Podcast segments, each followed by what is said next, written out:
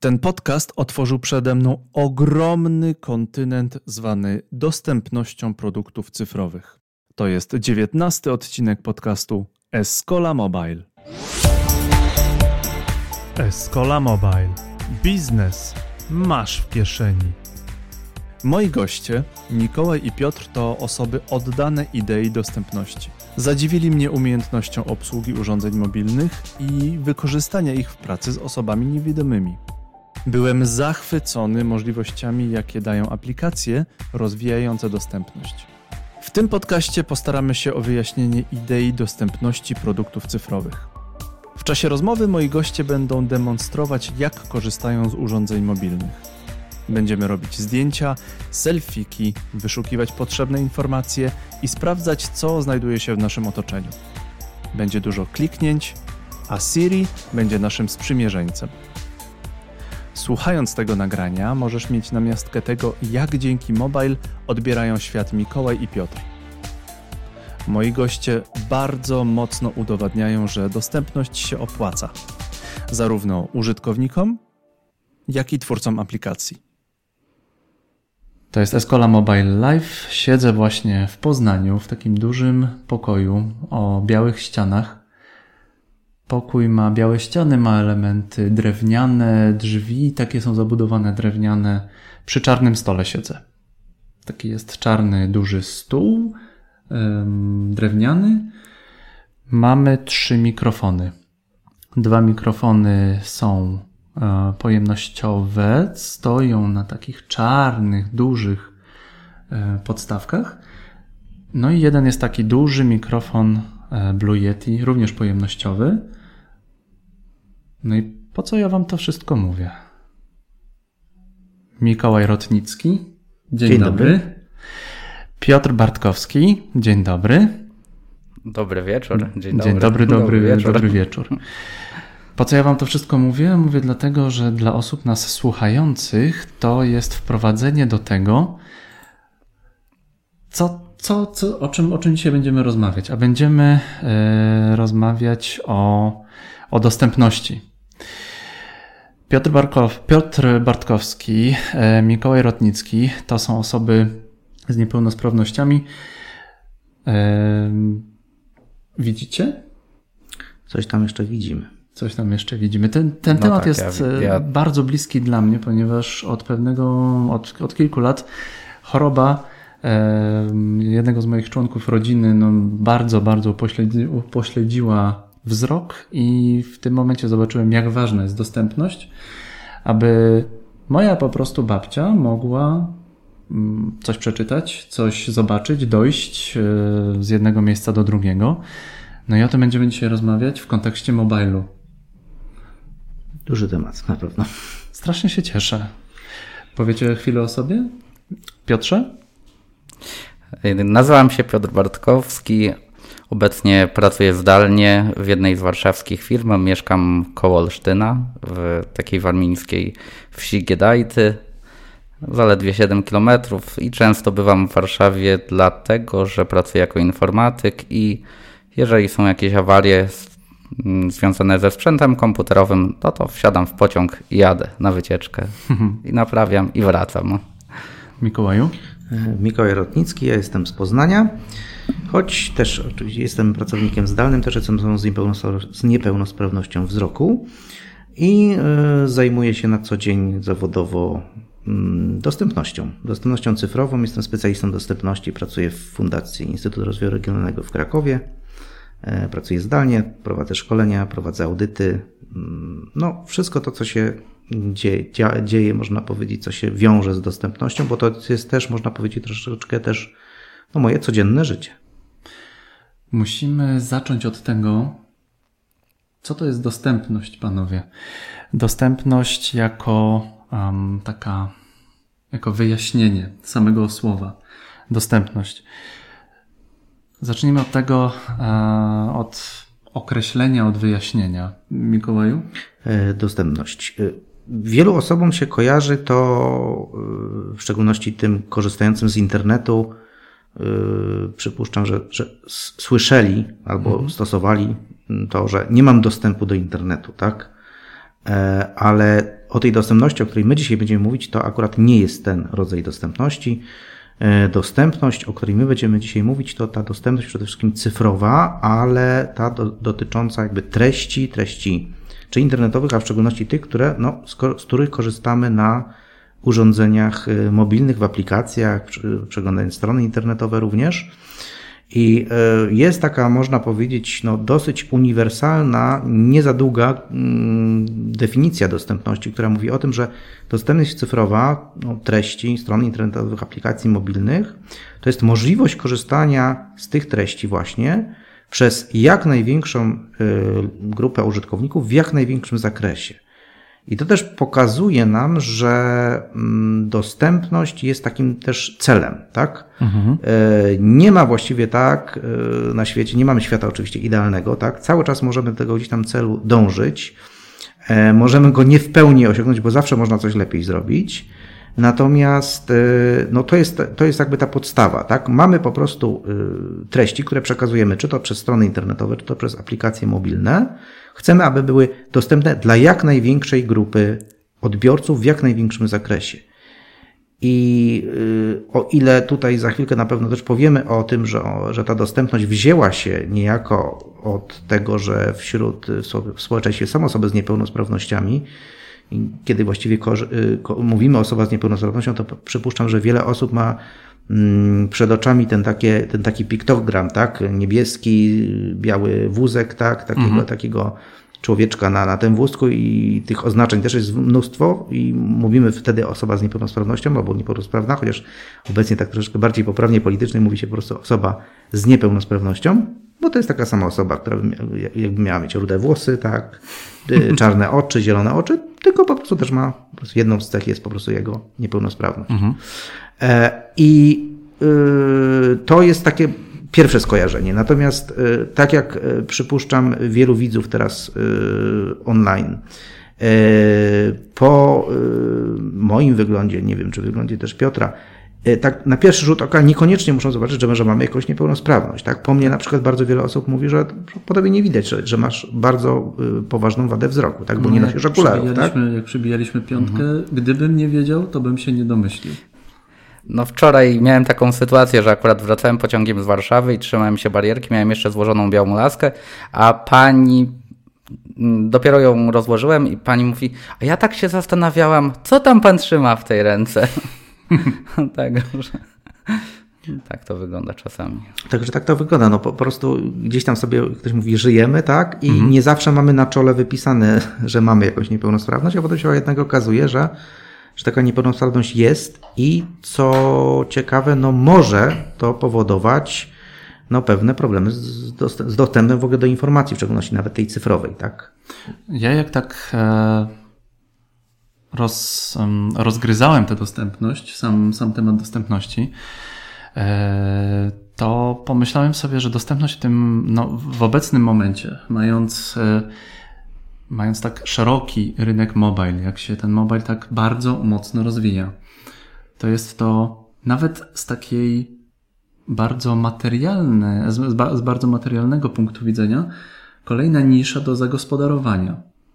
Jest oczywiście humanizm polegający na tym, że każdy ma prawo do korzystania z, z urządzeń mobilnych, a jednocześnie zwiększając dostępność dla każdego użytkownika, po prostu robimy, tworzymy bardziej dostępny, a jednocześnie e, szerzej, nie wiem, szerzej e, rozszerzamy, szerzej wy, wydajemy dany, dany produkt. Ergo zarabiamy tak naprawdę na tym. Jeżeli ja jestem twórcą aplikacji, która ma szeroką dostępność, ja na tym zarabiam, bo więcej osób tego używa. Tak, to, to jest prawda. To jest to I... nawet, nawet z takiego bardzo merkantylnego punktu widzenia. Tak, ja, ja, to też wspominam, tak, jak już są mm, czasami różne, powiedzmy, no, różnie się tam dostępność, można powiedzieć, różnymi, różnych argumentów się mhm. używa po to, żeby o niej mówić, o, że ona jest ważna. Y, z jednej strony to są aspekty takie no czysto społeczne, tak? tak? Że chcemy włączać po prostu osoby wykluczone, tak? Również wykluczone z powodu niepełnosprawności. E, z drugiej strony, no, jest to prawo, tak, które też się zmienia i też mhm. coraz bardziej zaczyna działać i jakby wymagać. wobec tych no już takich, no powiedzmy, bardzo opornych, którzy by nie chcieli tej dostępności. No ale jest jeszcze ten trzeci taki aspekt, tak, o którym warto powiedzieć, że yy, i to też badania niektóre pokazują, że aplikacje czy strony internetowe, które są robione zgodnie z zasadami dostępności, przynoszą większe profity, nawet do 15% więcej swoim yy, twórcom. Mm, tak, to jest ciekawe, bo wszyscy zwracają uwagę na SEO, SEO, SEO, tak, tak. ale jak jest właśnie dobrze wszystko opisane na stronie, dobrze zakodowane, no to siłą rzeczy to też wpływa na SEO, na, e, to SEO wpływa na dostępność. Tak. I działa to w dwie strony, prawda? Ale mm, wszyscy, wszyscy, wiele osób e, buduje strony na WordPressie, mhm. wszystko jest super e, no to musisz tutaj dać H1, bo coś tam, bo SEO, bo SEO. No tak, ale też jest dostępność. Tak? Ale samo Google też nawet o tym mówi, tak? że tak. w tych poradnikach dotyczących jak tworzyć treści, Yy, oni też na to zwracają uwagę. Zresztą ci, którzy się zajmują tak na, na co dzień w ogóle SEO, mówią o tym, że jednym z aspektów, i Google też oczywiście to przyznaje, że jednym z aspektów wpływających na pozycjonowanie strony jest dostępność y, ich treści tak. po prostu, tak? Że jeżeli będziemy tworzyć dostępne treści, to mamy większą szansę, że te treści będą po prostu wyżej. My mamy przygotowaną demonstrację, gdzie znowu odwrócimy rolę i za kilka, kilka, za kilka minut tak naprawdę ja Was poproszę, szanowni panowie, żebyście wy pokazali, i opisali słowami, w jaki sposób, e, w jaki sposób się posługujecie urządzeniami mobilnymi. Ale jeszcze nie do tego. Czy musimy coś o dostępności dodać? Czy, czy czujemy, że wyjaśniliśmy tę dostępność tak? To znaczy, tak teoretycznie myślę, wydaje, że tak. Mhm. Natomiast sądzę, że warto w tym momencie powiedzieć, jakby, bo to już y, też troszeczkę padło, tak, że ona y, pierwotnie mm, zaczęło się o niej mówić ze względu na osoby z niepełnosprawnościami. Tak. I sądzę, że warto by po prostu poruszyć temat, bo każda niepełnosprawność ma y, inne troszeczkę wymagania, inne ograniczenia, i z tego powodu jakby troszeczkę inna, inne akcenty trzeba y, położyć na tworzenie dostępnych treści. Mamy umocowanie prawne? Y, tak, mamy umocowanie prawne. Mamy, mamy coś takiego jak świeżo, można by powiedzieć, opublikowaną w zeszłym roku ustawę o dostępności cyfrowej, stron internetowych i aplikacji mobilnych podmiotów publicznych. Mhm. I to jest taka twarda ustawa, którą myśmy też no, walczyli o to, żeby ona, żeby te przepisy były w randze ustawy, bo przez poprzednie 7 lat były one w randze rozporządzenia, ale tutaj nam troszeczkę z pomocą przyszła Unia Europejska i ona taką dyrektywę wydała, żeby kraje członkowskie to prawo sobie tak uregulowały, także to nie jest tylko i wyłącznie domena polska, bo to się zaczęło dziać ostatnio, w ogóle w ostatnich latach bardzo mocno we wszystkich krajach, krajach Unii Europejskiej. Natomiast y, ta ustawa ją naprawdę trzeba sobie po prostu wziąć do serca, bo tak, z jednej strony to jest prawo, które wymaga.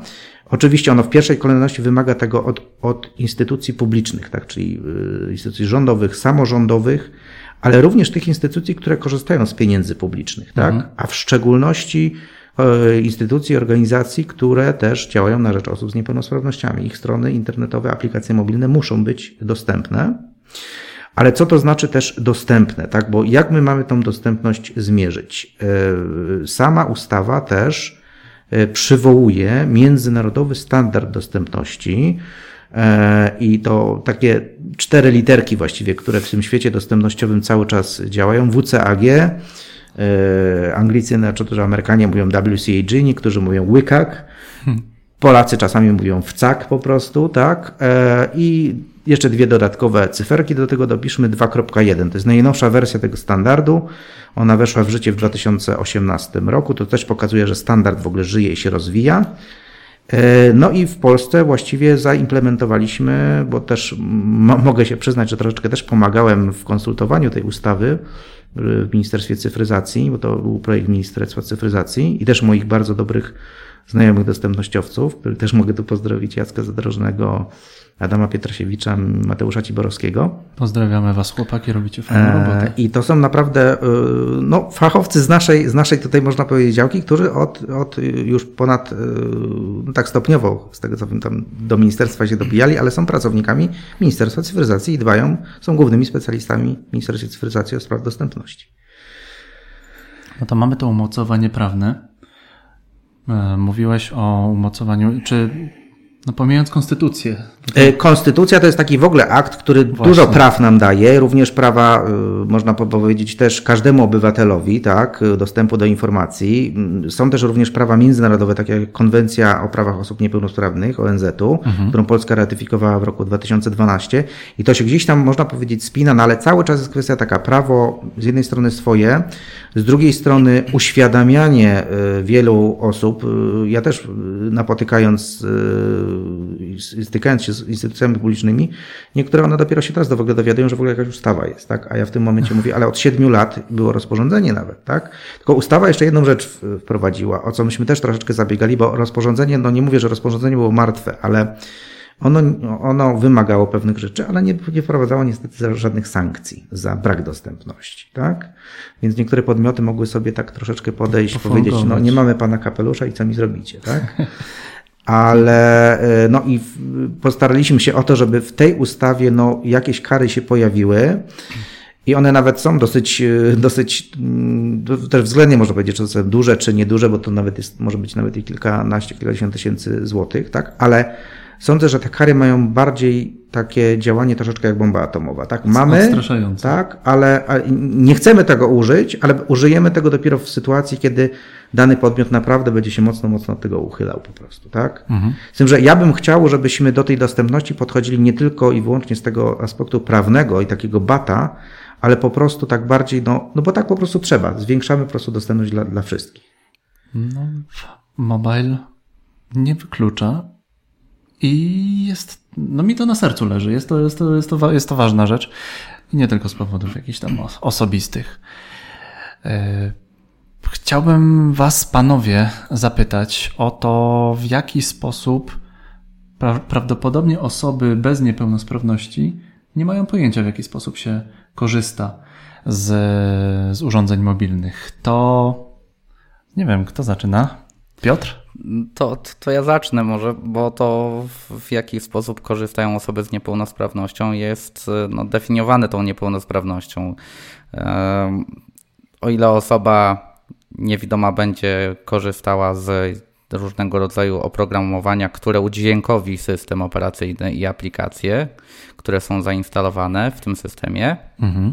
to osoba niesłysząca z kolei będzie wymagała dodatkowych informacji, jeżeli gdzieś pojawia się jakaś muzyka, na przykład, mhm. tak, albo jeżeli przychodzi powiadomienie, nie mamy dźwięku, to albo włączamy wibrację, chyba że telefon leży gdzieś na biurku, możemy włączyć diodę powiadomień i będziemy dostawali informacje za pomocą takiej diody, jeżeli jesteśmy osobą głuchą, e, że coś akurat się wyświetliło na naszym ekranie, na ekranie naszego urządzenia. Z kolei osoby z niepełnosprawnościami manualnymi będą używały telefonu jeszcze w troszeczkę inny sposób, bo to znowuż zależy, jaka ta niepełnosprawność jest. Czy potrzebujemy na przykład wydłużyć czas reakcji na aktywowanie jakiejś ikony, czy może e, drżą nam ręce i potrzebujemy jakiegoś dodatkowego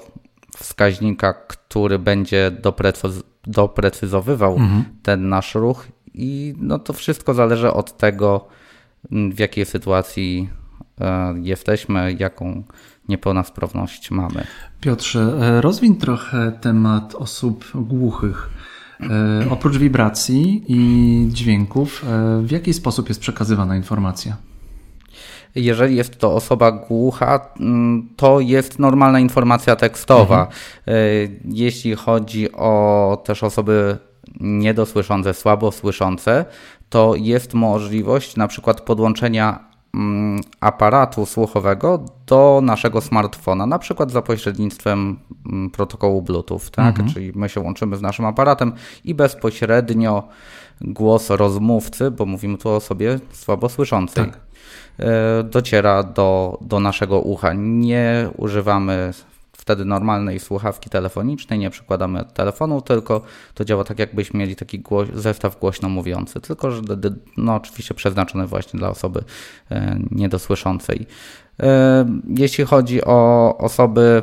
Ja bym jeszcze mógł coś dodać i... do, tych, do tak, tego, co, tak. co mhm. powiedział Piotr Bo z jednej strony słusznie wskazał, że ta informacja tekstowa, tylko to jest jeden warunek, że że te osoby głuche znają język polski. I tutaj dla wielu, wielu tak. osób może być takie zaskoczenie, no ale jak osoby głuche nie znają języka polskiego, mówię, część z nich może nie znać i może się nim nie posługiwać, migowym może się ponieważ ich własnym właśnie językiem jest polski język migowy, a języka polskiego pisanego uczą się jak języka obcego, tak jak my się uczymy angielskiego, niemieckiego, francuskiego i tak dalej. Jak się rozwiązuje wtedy tę sytuację? E, to znaczy tak, jeżeli mówimy o. mm, To wszystko zależy od konkretnego przypadku, ale ja bym chciał powiedzieć o takich właśnie dwóch rzeczach. Z jednej strony, jeżeli mówimy o dostępności tego typu treści, no to wtedy trzeba by się postarać po prostu o nagranie wideo w polskim języku migowym, jeżeli mówimy o przekaz treści, tylko zastosowanie pewnej alternatywy. Załóżmy, że mamy jakiś tam tekst, który jest no, w aplikacji czy na stronie internetowej, no i temu tekstowi ewentualnie może towarzyszyć po prostu nagranie no, na YouTubie na przykład umieszczony playerek, tak, na którym jest nagranie w polskim e, języku migowym, tak, ten sam tekst, tylko przemigany po prostu. Tak? To jest jakby, jeżeli mówimy o treść.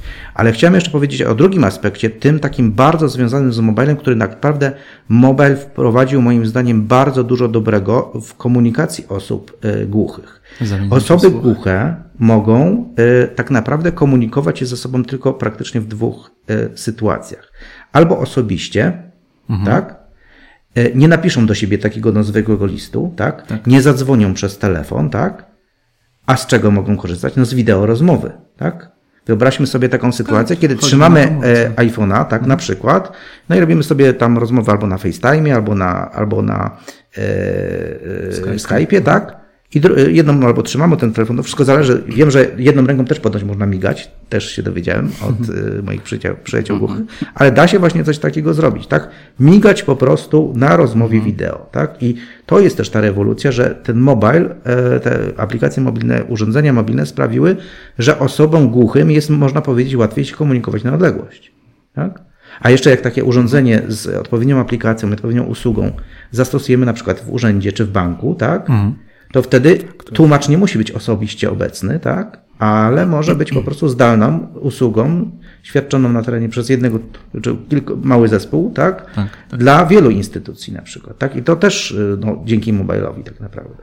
To teraz jeszcze mi się pojawiło pytanie odnośnie e, osób głuchych. Ja rozumiem, że jeżeli przychodzi osoba głucha do, e, do banku, no to wtedy po prostu łączymy się z kimś na Skype'ie i ta osoba może na przykład coś wymigać, tak? No jeżeli, jeżeli oczywiście taka usługa jest w banku na przykład tak, danym. tak. No ale banki się tym chwalą dużo. No coraz więcej się z nich Świetnie. Coraz więcej banków, ale też muzea się tym Aha. chwalą, tak, także jest e, tych wideotłumaczy coraz więcej. I no, są nawet firmy, które e, się specjalizują w tłumaczeniach e, z języka migowego na język polski i odwrotnie. Także no, jest, pod tym względem jest coraz lepiej, a też jako ciekawostkę powiem, że jeden z operatorów, nazwy nie będę może przytaczał, jakiś czas temu wprowadził specjalne pakiety e, komórkowe dla osób właśnie niesłyszących i nie są to, nie jest to pakiet 0 minut, prawda?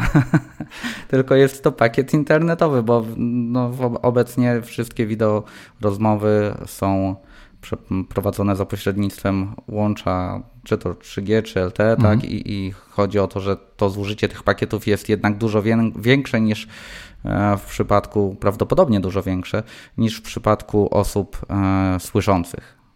Tak. Czy powstał już e, język, tłumacz języka migowego polegający na tym, że ja migam, a coś się, coś się, coś się wtedy na przykład, nie wiem, e, wyświetla na ekranie, ewentualnie e, mam jakieś e, komendy głosowe? Mhm. Znaczy, powiem tak, o ile wielu z nas na pewno korzysta z tłumacza na przykład googlowskiego, czy tam na przykład od Microsoftu, tak, to wszystko zależy jakie mamy tam preferencje. Mamy aplikację tłumacza na komórce i możemy na przykład pójść, e, będąc gdzieś tam na przykład za granicą, tak, powiedzieć daną frazę, a potem Tak. telefon nam przetłumaczy i wypowie to w tym Obecnie drugim dużo, języku. dużo reklam mamy na To, to tyle można powiedzieć, że to jest, y, to, to jest jakby w tej chwili y, już taki trochę prawie, że standard się zaczyna robić, tak? Też pewnie y, osoby, które na przykład, no jestem na przykład fanem Star Treka, tak? I, i, i- i tam jest na przykład taka Jesteś sytuacja. fanem Star Treka? tak. I tam jest taka sytuacja, że tam po prostu ludzie mówią w swoich językach, tak, Aha. dane rasy, a te drugie słyszą tym samym głosem już przetłumaczone. To, tak, tak, mają tą taką w czasie rzeczywistym pałeczkę. to wszystko się po prostu dzieje jakoś tam w translatory i tak dalej automatycznie, tak? I do takiej właściwie sytuacji do, dochodzimy. Natomiast z językiem migowym jest o tyle trudno. Ja tak notabene dosłownie chyba ze dwa dni temu jakiś tweet był na Twitterze, że Google, no na razie to jest tam troszeczkę w zalążkach, ale też znowu Google, e, opracował technologię y, analizy obrazu, tak, osoby migającej i tłumaczenia tego i, i ro- i rozumienia tego przez kamerę, tak? Y, Że komputer zaczyna rozumieć język migowy, tak? Pewne tam gesty. Na razie to jest y, na jakichś etapach bardzo, bardzo wczesnych, ale już się zaczyna to udawać. Jeżeli by to, troszeczkę tak mówię, ta sztuczna inteligencja, która też jest tak dosyć modna obecnie, mogła się tego powiedzmy nauczyć, tak? I, i, i będzie się na pewno tego uczyć, skoro te eksperymenty trwają, no to to naprawdę będzie dosyć duża rewolucja, jak będzie można w przyszłości z migania, tak, tłumaczyć to po prostu na, na inne języki, tak, pisane na przykład. No to wtedy mamy taki ultimatywny, ultimatywnego tłumacza, takiego doskonałego chyba tłumacza. No, chyba można by tak powiedzieć, tak, bo, ale to jest, jesteśmy na bardzo początkowym etapie. No ale widzimy jak się mocno rozwija nam IT. Ale pierwszy krok mamy już za sobą, to też jest ciekawe, bo na przykład no, osoba niewidoma, słabowidząca, przynajmniej taka jak ja, y, chcąca porozmawiać z osobą niesłyszącą, no, z osobą głuchą, no ma problem i tutaj taki tłumacz y, byłby dużym ułatwieniem. Y, No, je, ten problem jest mniejszy oczywiście, jeżeli dwie strony używają jednak języka pisanego, Y, ale, ale y, w tej chwili żeby najlepiej zrozumieć intencje drugiej strony, no to potrzebny jest pośrednik, jakiś tłumacz. Najlepiej jakby to była osoba z krwi i kości po prostu.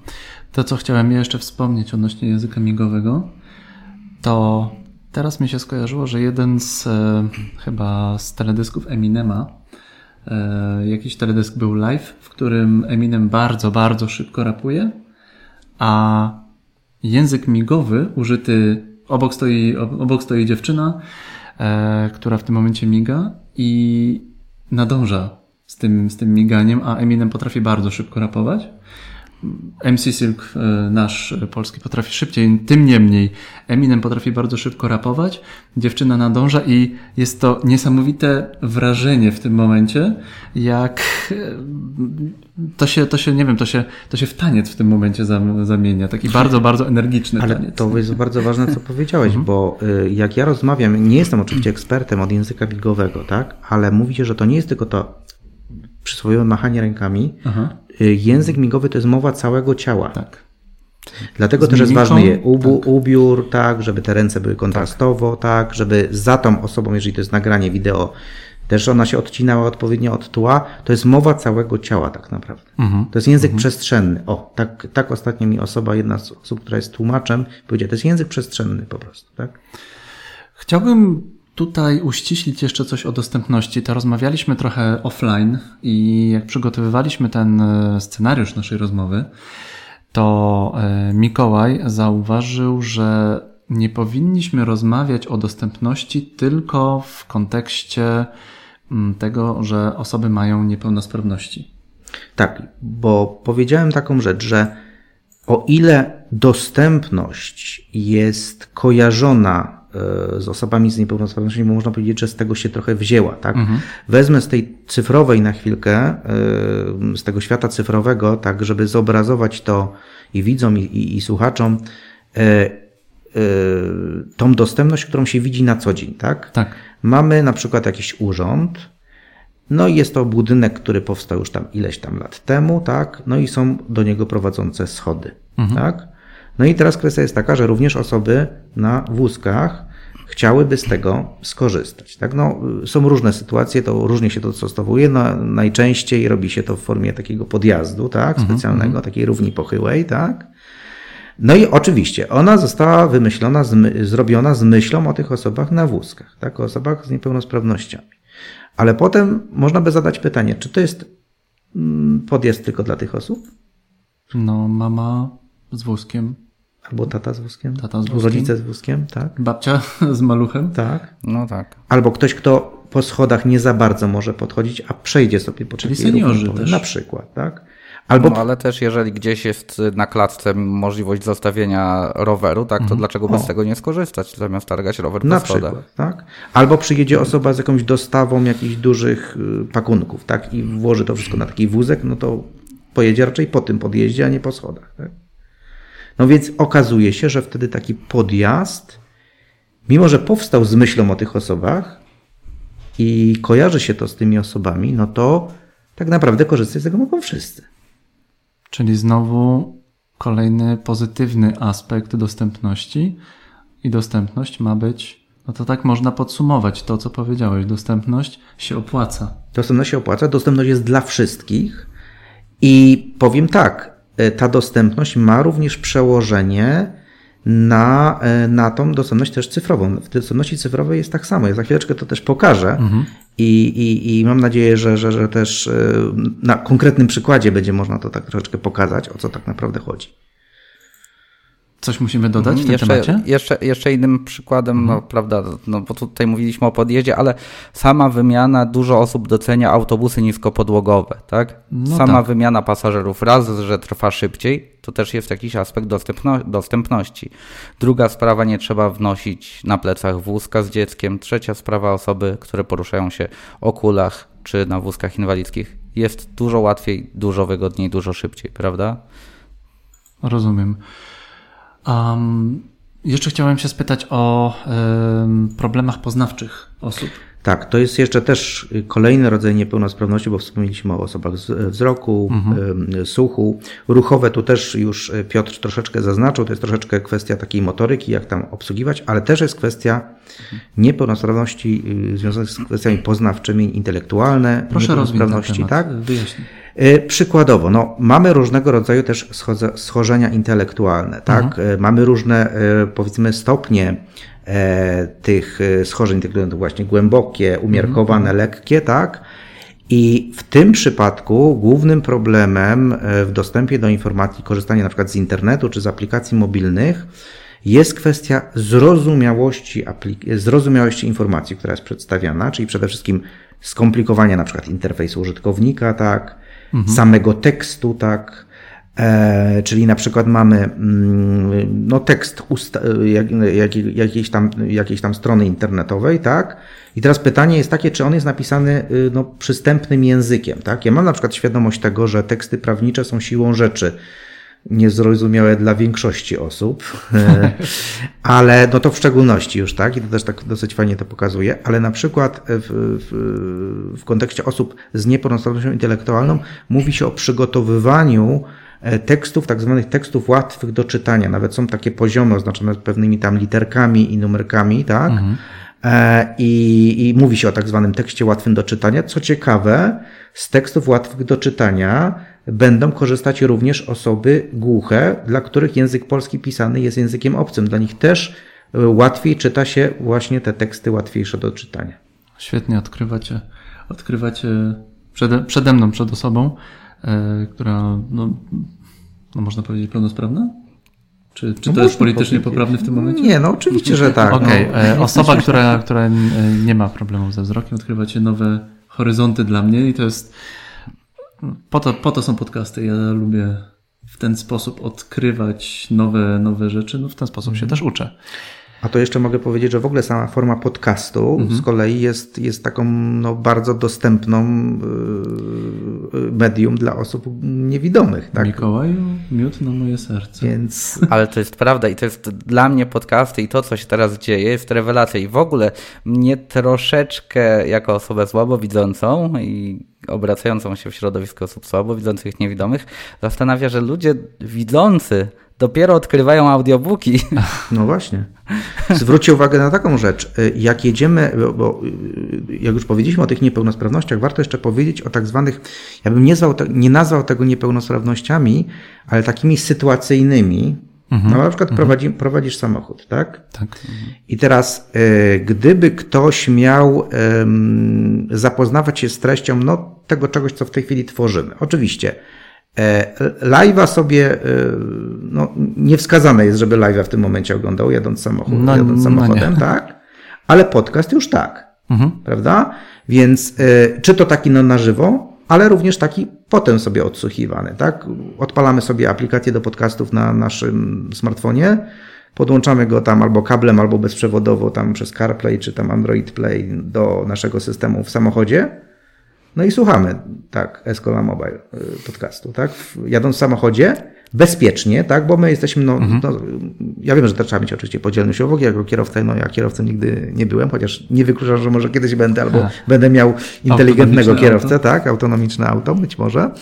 Ale y, to, to też znowu są aspekty dostępności, tak? Podcast mhm. jest bardziej dostępną formą dla osób na przykład, które no, prowadzą samochód, tak? No, niż, no niż... nie wiem, czy wiecie, są, jak już, no sorry, ale teraz Teraz zaczęliśmy mówić o podcastach, czyli o mojej wielkiej miłości. To nie wiem, czy wiecie, są podcasty robione tylko i wyłącznie pod auto, tak typowo pod auto. W Stanach jest taka nisza polegająca na tym, że robi się podcasty mniej więcej takiej długości, jak ludzie jadą z, z pracy do domu albo z pracy do. Tak mniej więcej mówi się o 30-35 minutach, z pracy do e, sklepu i mało tego, są już takie momenty, że można zatrzymać podcast w aucie, a on ci wtedy przeskoczy e, do komórki i słuchasz go w tym momencie na słuchawkach dalej. Ale mi zrobiliście tutaj no miód na moje serce. No, Dziękuję ja, ja, ja uwielbiam podcasty, no bo to jednak jest taki y, wypełniacz czasu pomiędzy Olsztynem a Warszawą. To jest naprawdę niebywała wygoda. Super. Niebywała wygoda. To jest coś, z czym lubię spędzać czas i próbuję namówić moją dziewczynę na słuchanie podcastu.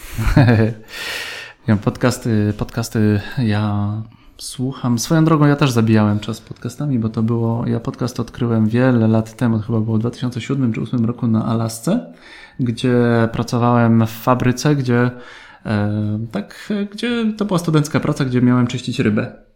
Ryby. I to no, nie była bardzo angażująca intelektualnie praca. Była po prostu nudna i w którymś momencie e, kolega pożyczył mi iPhone i wytłumaczył mi, co to są podcasty. Wtedy po prostu porwały mnie, wpadłem i to była super rzecz. Zabijać, zabijać czasu. Bardzo się cieszę. Potrafiłem 16 godzin dziennie słuchać tego, tych podcastów. Od e, wędkowania do robienia biznesu. Wszystko po angielsku wróciłem z, z, z naprawdę świetnym angielskim. Panowie, chciałbym, żebyście teraz, yy, chciałbym Was prosić, abyśmy pokazali i opisali słowami, w jaki sposób korzysta się z urządzeń e, mobilnych, w jaki sposób osoby niewidome korzystają e, z urządzeń mobilnych. Jeśli, drodzy słuchacze, jeżeli będziecie słyszeli jakieś kliki, bzyczenie, to prawdopodobnie dlatego, że właśnie w tym momencie coś, coś mamy, jakąś interferencję. Kto zaczyna? No, Mikołaj. Mikołaj. Więc tak, e, bardzo dużo osób, jak słyszę słowo w ogóle smartfon, tak, tak E, to kojarzy to przede wszystkim z e, telefonem z ekranem dotykowym, mhm. chociaż jakby tak powiedzieć, nie jest to do końca prawda, bo mm, no, kiedyś smartfonami nawet były takie topowe Nokie, tak? Ach. To jeszcze Nokie pamięta, tak? Kiedyś to, kiedyś to było. E, kiedyś właściwie tylko Nokie były, tak?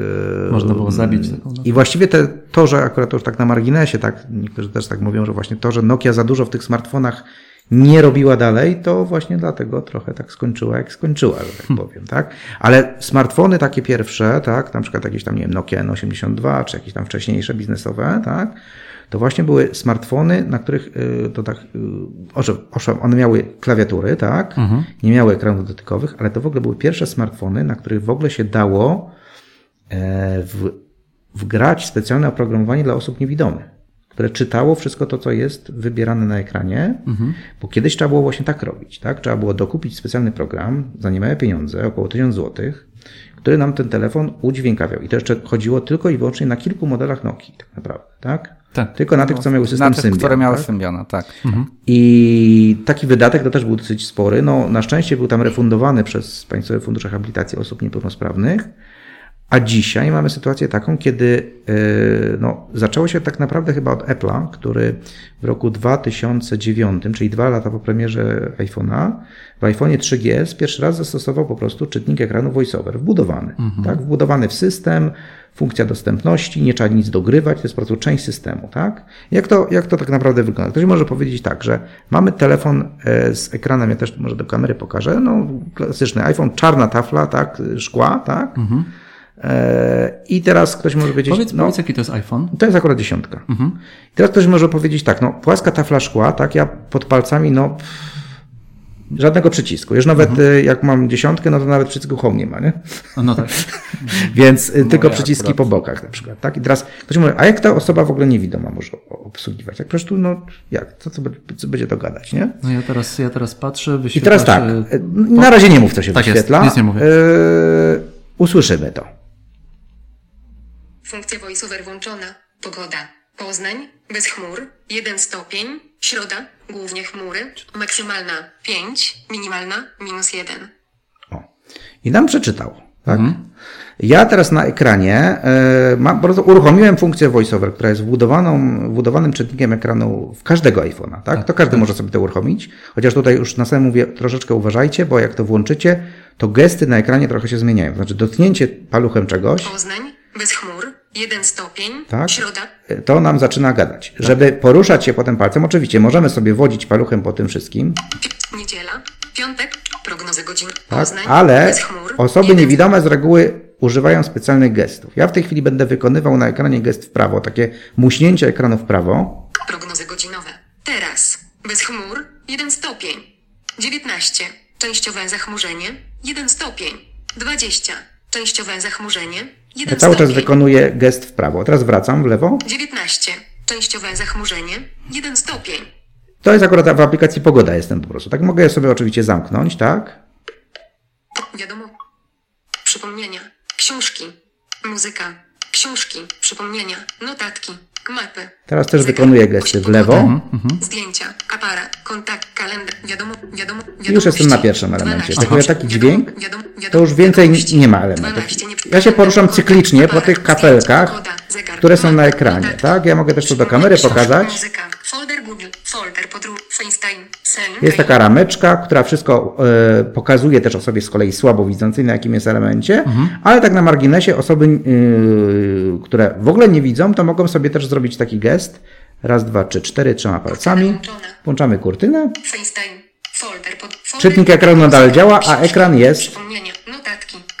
Tak, tak, ekran jest wyłączony. Ekran jest wyłączony, ale czytnik ekranu działa. Aha, czyli to w tym momencie na pamięć można... Czyli osobie niewidomej w ogóle, y, bo to może nie być potrzebne, tak? Takiej osobie, która w ogóle nie widzi. Raz, że oszczędza baterię, a drugiej nikt tam jej nie będzie za, za ramieniem żurawia zapuszczał, co ona tam robi. Do nie? kogo, do kogo pisze. A jak w tym momenie... To e, jeszcze tylko tak? jako ciekawostkę bym dodał, że ten ekran jest wyłączony tylko na OLEDzie, tak? Bo jeżeli mamy y, iPhone'a starszego niż 10, czyli no nawet równolatka y, 8, 8 Plus Mhm. i niżej, a zresztą teraz są te iPhony R, tak? I te, te, te wszystkie, które mają ekrany LCD, tam jest ekran, on jest wygaszony, ale podświetlenie nadal pracuje, tak? To także ta kurtyna nie wyłącza Tak, na tych starszych, na tych nie OLEDowych to tak, to Tak. jest prawda. Nie? Jest Tak, po prostu tak. czarna tapeta wstawiona.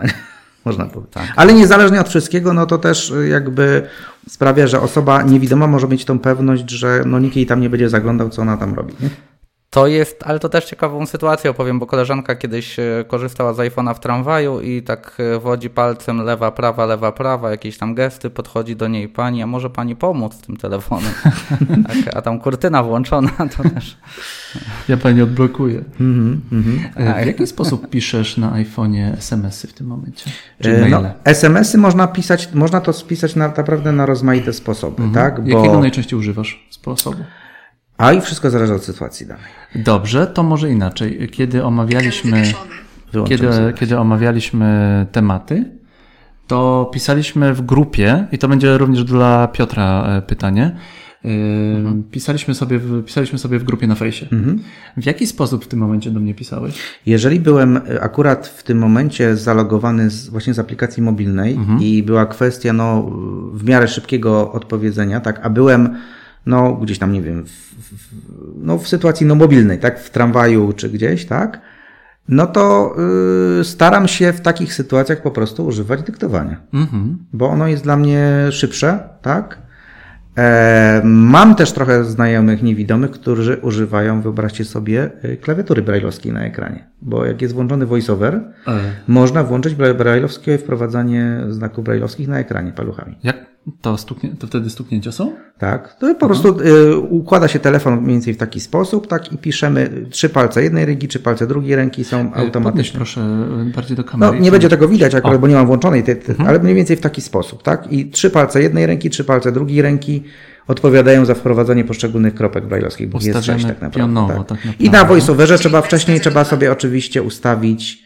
no, klawiaturę brajlowską, ekranową tak zwaną, nie? To jest od, nie, no, od kilku wersji już to jest, Apple to zaimplementował, bo 19.03. y, kiedyś takie coś było, nie? Ktoś wymyślił i Apple to też zaimplementował. No, nie wiem, nie pamiętam, czy na Androidzie to jest, bo Mhm, nie korzystam. Nie. No to jeszcze nie. Panowie, mamy coraz więcej e, widzów. E, Pozdrawiamy Stefana. Pozdrawiamy Annę, która Anna Czekalska nas pozdrawia. Stefan Wajda. Również Marzenę pozdrawiamy. E, Marzena pisze nam szacun panowie za temat i mnóstwo serduszek. No to super. Bardzo, bardzo Ci dziękujemy, Marzeno. E, pisanie SMS-ów. E, ty jesteś w stanie napisać SMS-a również, e, również, również Braillem, rozumiem? E, Nie, ja akurat Braillem się nie posługuję, natomiast jeżeli, jeżeli mam wśród znajomych swoich, na przykład, których też czasami szkole z iPhone'a, tak, a znają Braille'a, to ich, y, im mówię o tym, że takie coś Aha, jest. aha. I tego można się, jak się zna Braille'a, to można dosyć fajnie tym pisać, nawet niektórzy mówią, że szybciej piszą. A. Bo jeżeli by piszemy na przykład nie dyktowaniem, no to musimy niestety y, paluchem wodzić po klawiaturze i te literki tam, no, Mhm, No tak. odczytuję na tego, jak puszczam palec, to wtedy tą literkę mi wstawia na przykład. Tak, Tak, tak. Jest to troszkę wolniejsze, ale się oczywiście da, nie? Ja z takiego sposobu korzystam akurat w komunikacji miejskiej i kiedy się przemieszczam, w każdej innej sytuacji dyktuję. Ale rzeczywiście e, też znajomi mi mówili, że szybciej pisze się, jeżeli ktoś nie widzi, a jest w takiej sytuacji mobilnej, e, z użyciem właśnie tej klawiatury brailleowskiej. Ta klawiatura brailleowska, jeżeli ktoś widział maszynę brailleowską, ona przypomina właśnie taki układ, ten klawiszy przypomina, mm, albo to jak się palce układa na ekranie, przypomina układ klawiszy w takiej maszynie brailleowskiej, czyli trzy po lewej i trzy po prawej. No i odpowiednia ilość stronie. kropek i pustych miejsc, tak? Tak. No to już jest kwestia, jak wpisujemy te znaki, Aha. nie? Bo y, ona oczywiście jest wtedy dostępna, kiedy no, mamy pisać. Tak jak klawiatura się pojawia na ekranie, kiedy dotkniemy jakiegoś pola edycyjnego, to jeżeli domyślnie mamy ustawioną klawiaturę brajlowską, to też klawiatura brajlowska nam się też wyświetli jako tam powiedzmy no, domyślny. No i ten telefon trzeba wtedy obrócić, tak, to urządzenie.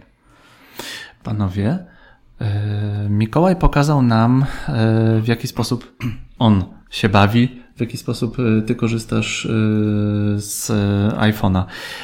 Piotrze, czy ty jesteś iPhone'owy, czy jesteś androidowy?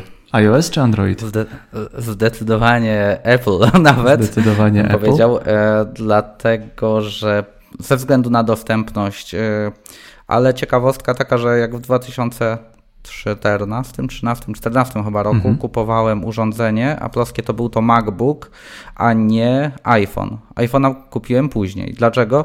Dlatego, że w MacBooku była dostępna po prostu nieodpłatna lepsza niż w, Win- niż w Windowsie lupa, z której ja korzystam akurat y, w przypadku y, korzystania z komputera. Mm, Jeśli chodzi o korzystanie z urządzeń mobilnych, no to rzeczywiście e, iPhone'a chyba kupiłem pierwszego w 2015 roku, jakoś w lutym, ale dlaczego tak było? Wcześniej i w ogóle też nie przypuszczałem, że można sobie tak życie ułatwić. Ja wcześniej jak używałem telefonu, to używałem normalnej, normalnego telefonu, czy później smartfona z wykorzystaniem zwykłej takiej optycznej lupki i za pomocą tej lupy sobie tam wszystko ustawiałem, pisałem SMS-y, ale było to strasznie niewygodne do momentu, e, kiedy chwyciłem za iPhone'a 5S wtedy. I wtedy co, I zakochałeś się i tyle? od, tego, od, tego, od tego czasu się w ogóle wszystko zmieniło i w moim telefonie są książki, podcasty. Mój telefon to lupa, która pozwala mi sprawdzić rozkład na dworcu PKP i wiele innych rzeczy. Pozwala mi mm, podać bilet do kontroli. Ja już nie pamiętam, rzadko się zdarza, że rzeczywiście kupuję bilety w kasie, bo raz, że no, stanie w kolejce, to, to jakoś nie, nie za bardzo lubię, kiedy mogę, kiedy mogę skorzystać z wygodniejszej formy Mhm. i płatności, i zakupu to z niej korzystam zdecydowanie. No też na lotniskach, prawda, to jest bardzo wygodna e, rzecz, ponieważ nie bawimy się z dokumentami, z kartami pokładowymi, tylko wszystko jest po prostu Ten pod ręką w, w jednym jest miejscu. Taka jedna, jest taka jedna aplikacja chyba fabrycznie budowana. Znaczy wallet, iPhone'a, wallet, Wallet, no. Wallet, Gdzie tam tak, mamy różne tak, rzeczy, i... I, karty płatnicze, i bilety możemy tam zaimportować. tak. Mhm. no i moim w ogóle ulubionym, ostatnio jedną z funkcjonalności e, jest e, możliwość płacenia kartą przez czy zegarek, czy po prostu właśnie No e, Apple przez Apple, Apple Pay, Wallet. Mhm. Apple Pay, tak. Mhm. To jest coś nie, niesamowitego, a tu jeszcze tak jak kupowałem pierwszy swój smartfon, to była jakaś Nokia Lumia 800, to jeszcze wtedy było na Windowsie. Poszedłem do tego sklepu i e, pani mi mówi, że ten telefon będzie do pana pasował i kolor i w ogóle. Ja mówię, że potrzebuję telefon tylko do dzwonienia i pisania SMS-ów czasami, a jak zmieniłem na iPhone'a właśnie, to robię te wszystkie rzeczy, o których wspomniałem, także Może wiele osób to ta dostępność, zaskoczy. dostępność wygrała. Tak sądzę, że może wiele osób to zas- zas- zaskoczy, ale wbrew pozorom, nawet w przypadku właśnie y, osób y, nawet niewidomych, tak? Mhm. E, Kwestią dosyć ważną obecnie w smartfonie jest aparat. Rozwiń temat, bo w tym momencie coraz bardziej mi szczęka opada. No bo Jestem ktoś może zachwycony tym, co mówisz. oczywiście powiedzieć, że po co osobie niewidomej aparat? Przecież jak nie będzie zdjęcie robić, jak, jak ona ma w ogóle zdjęcie zrobić? No ale można mamie wysłać zdjęcie. No, z jednej strony tak, a z drugiej strony y, wyobraźcie sobie, że mm, y, raz te zdjęcia można robić w sposób dostępny, bo najnowsze wersje systemów operacyjnych mają, można powiedzieć, budowaną trochę sztuczną inteligencję, tak? I one po włączeniu voiceovera, to czyli na przykład na iPhone'ie tego czytnika ekranu, tak? On nam też mówi, czy na przykład twarz jest w kadrze, tak? Czy jest duża, czy mała, czy po lewej, czy po prawej, tak? Potem jak to zdjęcie zrobimy, to nam powie e, tak naprawdę, e, co, no jak to po prostu e, wygląda, tak? E, Co jest na zdjęciu, tak? Plus minus, tak? Może za- chwilkę spróbujemy taki coś zrobić. Selfika sobie. E, tak, spróbujemy zrobić selfika, tak, e, za, za chwileczkę. Ale, ale druga jest ważna rzecz, to co powiedział e, przed chwileczką Piotr. Dla nas oko aparatu w iPhone'ie na przykład, czy tam no w Androidzie też może być oczywiście, jest trzecim okiem, bo to jest zdrowe oko, tak? Aha. Ono jest zdrowym No tak. okiem, tak? I ono nam służy, tak jak tutaj Piotr powiedział. Na dworcu my na przykład, y, owszem, możemy w aplikacji mobilnej sprawdzić tam z którego peronu i tak dalej, ale czasami są takie sytuacje, w których w ostatniej chwili zmieniają na przykład peron, tak? I jest, Mhm, to, wyświet- jest to wyświetlone tylko na y, wyświetlaczu dworcowym, ewentualnie no komunikat może tam głosowy, notabene też synteza mowy 60, obecnie też minut, bardzo 60 często, tak? sekund przed odjazdem pociągu. Tak. I chcemy ewentualnie sobie to dosprawdzić. Albo na przykład łapiemy kogoś, bo ja też mam takie bardzo często sytuacje, kiedy łapię kogoś na dworcu, przepraszam bardzo, czy może mi pani pomóc tutaj sprawdzić, który peron, tak? No ja mówię, taki pociąg, taka godzina. Nie, takiego pociągu nie ma. Ja mówię, na pewno jest, no niech pani się dobrze tam przyjrzy, nie? No nie, nie ma takiego pociągu. A ja przepraszam, ja na przyjazdy patrzę, nie? No. I mam takie czasami właśnie wrażenie, że bardzo dużo osób no zdrowym wzrokiem, tak, no patrzy, a nie widzi, tak? I trzeba troszeczkę nakierować, tak, yy, o jaką tak naprawdę informację nam yy, chodzi. I sytuacja taka, kiedy przypuszczam, że Piotrze też stosujesz tą technikę, tak? Robimy na Zoomie zdjęcie tej tablicy, tak? I potem sobie ją powiększamy i patrzymy na naszym ekranie, czy rzeczywiście takie coś tam jest wyświetlone, nie? Albo nazwy ulic, no to, To już znaczy, różne. ja, ja korzystam w czasie bieżącym z akurat No powiększenia z lupy, Mhm. tak? Panowie, Czy tak, Piotrze? Mhm. Mhm. E, tak, tak. To, to ja akurat korzystam normalnie bez lupy. 19:11. Z lupy korzystam, ale, ale właśnie bez robienia zdjęć, bez zoomowania. Ale ta lupa, to, to ta lupa, ta soczewka aparatu to nie tylko lupa czy robienie zdjęć, ale także rozpoznawanie tekstu.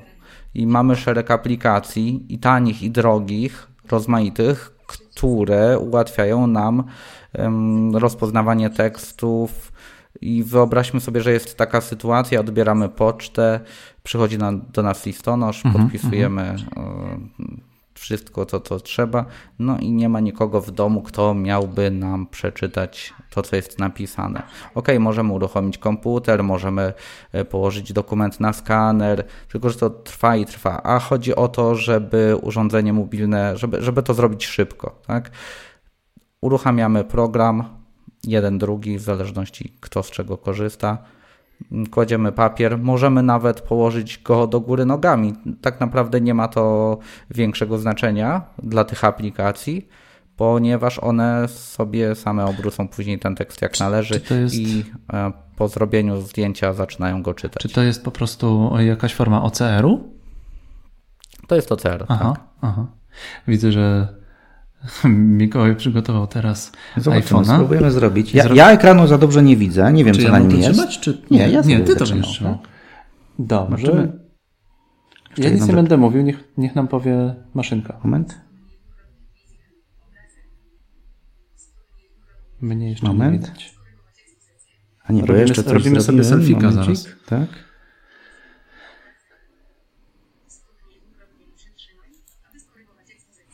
Moment. Czy nas widać? Widać nas. Dobra, zobaczymy. Zrobił jakieś tam zdjęcie. Stryk. Zobaczymy. Przeglądarka zdjęć wideo. Foto. Pionową. 19. 13.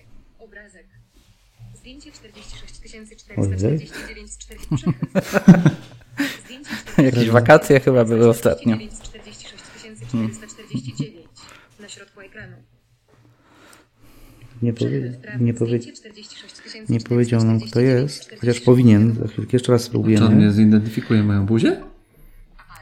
Zrób zdjęcie przy dolnej krawędzi. Moment. Na środku. Czy Przy dolnej krawędzi. Na środku. zrobimy jeszcze raz. Zrób poziomo. Zrób zdjęcie. Przy Jezu. Mikołaj. Środku. Robimy O. zdjęcie. Wiedział Mikołaj. Aha, rzeczywiście. Przeglądarka zdjęcie wideo. Przycisk. I foto. Pionową. 19. 13. Obrazek. Foto. Multimedia zawierają. Mikołaj. Pionową. 19. Rozpoznał mnie na zdjęcie. Dostępność się opłaca, ja to widzę. Dostępność się opłaca i w ogóle to, co się dzieje na rynku dostępnościowym, jeśli chodzi o systemy operacyjne, Przepraszam jest chłopaki, właśnie nas naprawdę pro, fajne. pro, proszą nas, abyśmy, abyśmy teraz pokazali do kamery to zdjęcie. Aha, no. E, udało się zdjęcie Mikołaja, więc pozwól Mikołaju. Ja to zdjęcie pokazuję Czy mogę? kamery, tak? Ja troszkę bliżej, bliżej pokażę. O. Mikołaj sobie walnął selfika. E, I ze mną też. Tylko, Wcześniej, no. Także tak. tylko troszkę wcześniej. Panowie, e, przejdźmy trochę jeszcze do rzeczy technologicznych. Chciałbym Was em, offline'owo mówiliśmy o tym, że e, różnice i o różnicach i podobieństwach między Androidem i iOS-em. E, Wy zwróciliście uwagę, że te różnice się zacierają. E, Co jest obecnie dla Was, z Waszej perspektywy, największym sztosem w waszych, waszych telefonach? mnogość aplikacji, moim zdaniem, Aha. i to, że te aplikacje bez względu na to, kto jest ich odbiorcą, czy to, czy to są aplikacje do bankingu, czy do robienia zakupów, one są coraz, coraz szerzej dostępne, czyli e, osoba zarówno niewidoma, jak i widząca, ale też osoba słysz- niesłysząca może z nich w komfortowy sposób korzystać. Ja idąc na przykład do sklepu, mm, do pewnej drogerii, bez problemu mogę wcześniej sobie sprawdzić, jakie są przykładowo produkty, mogę włożyć je do koszyka i tak naprawdę mogę z poziomu aplikacji dokonać zakupu i pójść tylko po odbiór zamówienia. I dla mnie to jest rewelacja, że to ułatwia życie jednak. Świetnie. Świetnie. No i też są aplikacje, y, warto też o tym powiedzieć, właśnie dedykowane osobom. Nie wiadomo, o jednej już tam, o kilku już powiedzieliśmy w kontekście tego OCR-a. To są aplikacje specjalnie robione po to, żeby osoby niewidome mogły sobie szybko jakiś dokument, który przyjdzie, nie wiem, z jakiegoś urzędu, przeczytać, tak, y, zobaczyć, ale na przykład są też aplikacje dedykowane, które wspierają na przykład orientację przestrzenną, tak, czy rozpoznawanie przedmiotów, tak. Jest taka aplikacja bardzo znana TapTapSee, robimy zdjęcie danego przedmiotu i on nam mówi, co to jest. Możemy nawet potem spróbować zobaczyć. Ciekawe, czy ten mikrofon znajdzie. Ale nam się pięknie rozkręca podcast, panowie. E, odnośnie, odnośnie jeszcze e, tej, em, tych, tych, tych różnic e, między systemami operacyjnymi. Jak e, mówiliśmy o czytnikach ekranu, e, mówiliśmy o voiceoverze. E, jak się nazywa coś voiceoverowego w, w Androidzie? W Androidzie się TalkBack nazywa. TalkBack. Pack. Y, Odpowiednik Talkback? praktycznie. Mhm. Są jakieś różnice Albo między nimi? Voice Assistant chyba dla Samsunga. Tak, Voice się Assistant nazywa. to jest jeszcze też taka ciekawostka. Samsung postawił, na, przykład, postawił na to, że pójdzie troszeczkę krok dalej i tego talkbacka jeszcze udoskonali i zrobił taki ulepszoną wersję tego y, talkbacka i to nazwał chyba Voice Assistant. To, I wtedy Voice można zamiennie z Assistant, tego tak. skorzystać. Albo to się włączy, albo tamto się włączy. Nie? Świetnie. Yy, powiem tak, co jest ciekawe. No Android na przykład ma taką dosyć yy, jakby ciekawą. Już mamy jakby w Samsunga mamy chociażby ten wybór, tak? Mamy talkbacka i możemy sobie wy- wybrać voice assistant. One się minimalnie tam różnią pewnymi drobnymi oznajmianiem i tak dalej. Może jakieś tam też gesty na ekranie, chociaż zasadniczo gesty są dosyć powiedzmy no, w miarę ustandaryzowane. Nawet bardzo podobne są na, na voiceoverze na, na iOSie, tak? Ale ciekawostką jest na pewno to, że można chyba z większej gamy syntezatorów mowy korzystać, bo tak naprawdę jak mówimy o program odczytu ekranu, to my mówimy tylko tak naprawdę o pewnej części tego całego, czego doświadczamy, bo tak, program odczytu ekranu ma za zadanie przeczytać nam to, co jest na ekranie, znaczy przeczytać, przeczytać, zamienić to na jakiś tam tak zwany tekst, tak? gdzie to potem zostanie wyrzucone, czy do syntezatora mowy, czy, uwaga, do tak zwanego monitora brajlowskiego. A monitor brajlowski to jest coś takiego, co umożliwia osobie niewidomej czytanie w brajlu, tak, w czasie rzeczywistym. To jest, można powiedzieć, taka linijeczka, która ma takie mm, dziureczki, z których wychodzą te wypustki tworzące literki brajlowskie. To mogą być to linijki różnej wielkości, tak? Są takie bardzo małe, gdzie one wyświetlają 12 znaków, maksymalnie bo 16, tak? Łączy się to przez Bluetootha z y, naszym iPhone'em albo z androidowym telefonem i na zasadzie plug and play to już ma wszystko sterowniki, tak? Jak się włączy czytnik ekranu, to obsługa monitorów brajlowskich i na jednym i na drugim systemie jest praktycznie obecnie y, tych naj, najpopularniejszych producentów monitorów jest po prostu plug and play, włączamy po Bluetoothie i to, co jest, to, co normalnie by nam czytał głos, możemy sobie głos wyciszyć i, i czytać to wszystko w brailu bez, bez w ogóle dźwięku pod palcami, czyli czuć pod palcami to, co jest na ekranie. Coś niesamowitego. Nie wiem, czy teraz. E, słyszałem o takiej komórce kiedyś. E, to było, kiedy, em, kiedy wprowadzono tak naprawdę, kiedy się zaczęły pojawiać płaskie telefony bez, e, bez, do, bez e, klawiatury. E, Część osób miała, nie mogła się przyzwyczaić do, do czegoś takiego i do e, klawiatury i pojawiły się smartfony, które miały jakby, miały taką funkcję wypukłego ekranu.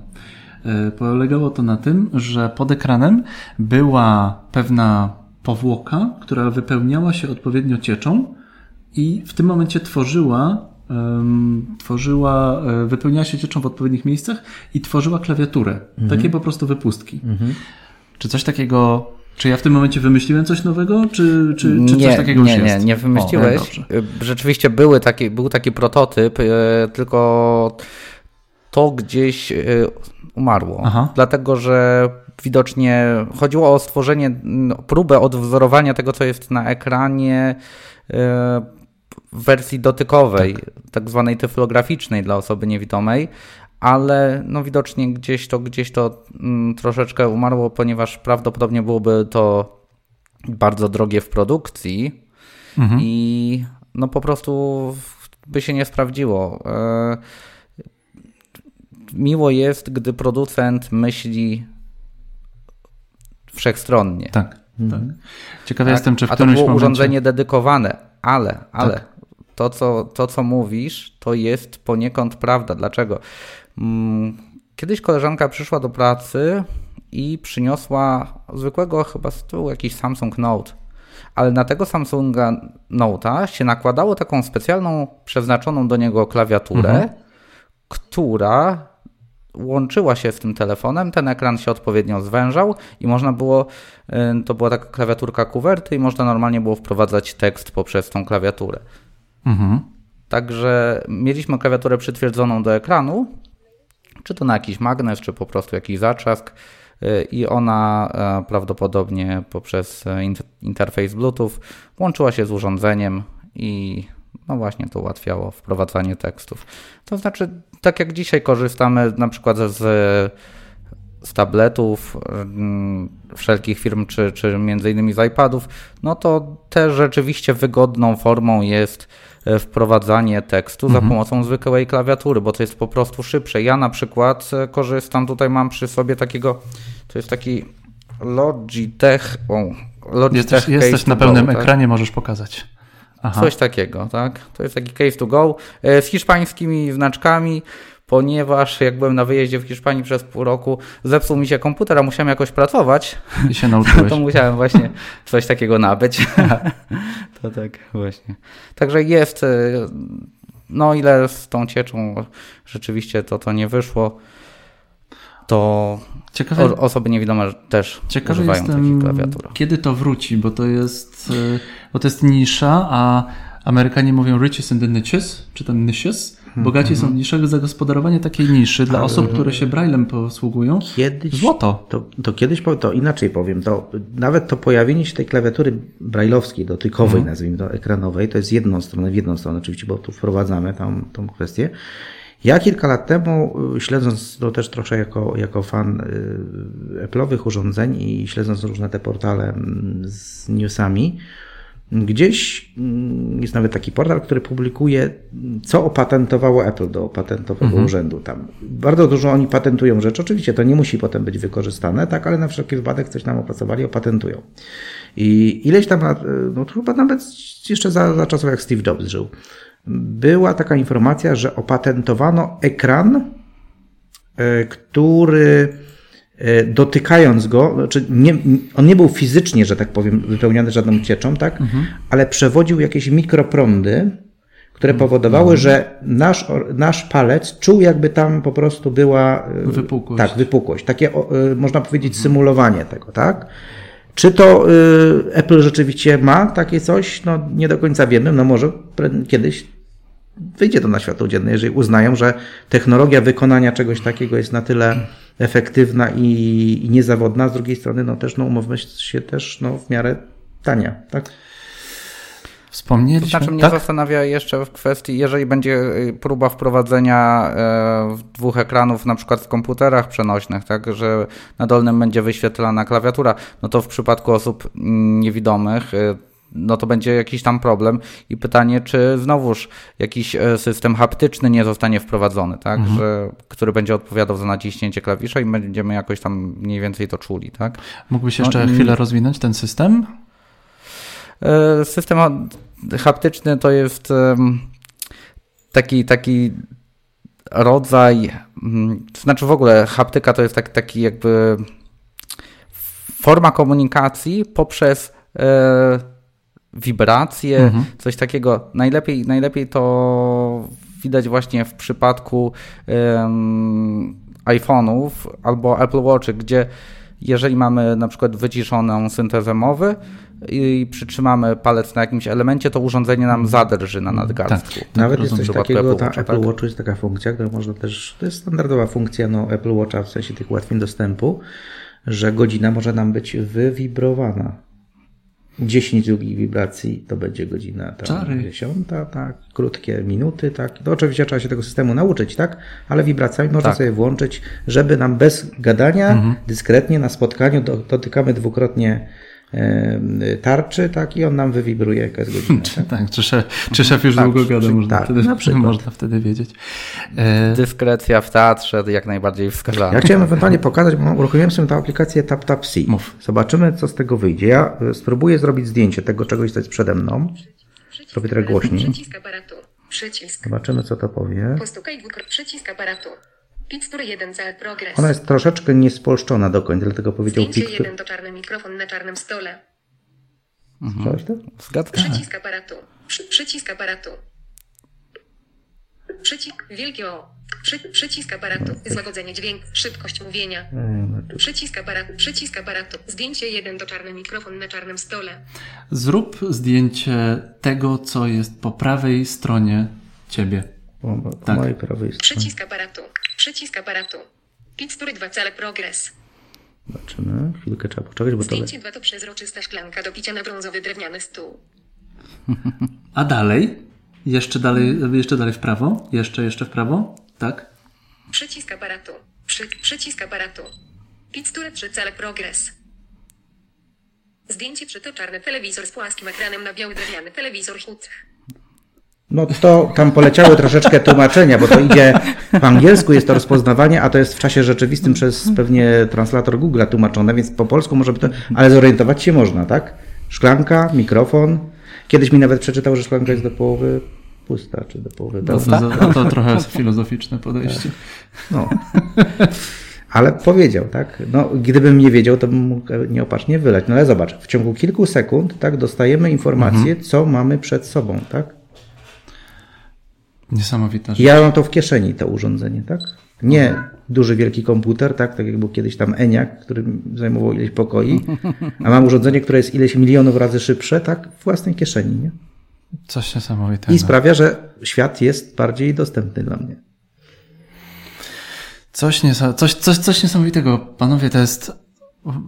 Bardzo mi się podoba, że technika, technika nam pomaga. Mobile, mobile first, niesamowicie. Mobile first Tak. i to też jest ciekawe, bo ym, kiedyś do słuchania książek, słuchania radia ym, musieliśmy używać kilku różnych urządzeń. Czy na przykład mieliśmy lupę, tak? To, było, to były oddzielne urządzenia, gdzie na przykład trzeba było ładować oddzielnie baterie. Odtwarzacz książek mówionych, Teraz- tak? no, różne. Tak, a teraz baterię ładujemy tylko raz i mamy wszystko e, pod ręką. Tak? To jest niesamowita wygoda. Oczywiście, że w przypadku osób starszych czasami trzeba poświęcić mm, tym osobom wiele godzin, żeby one nauczyły się obsługi tego urządzenia. Ale ja wiem, że to później się zwraca.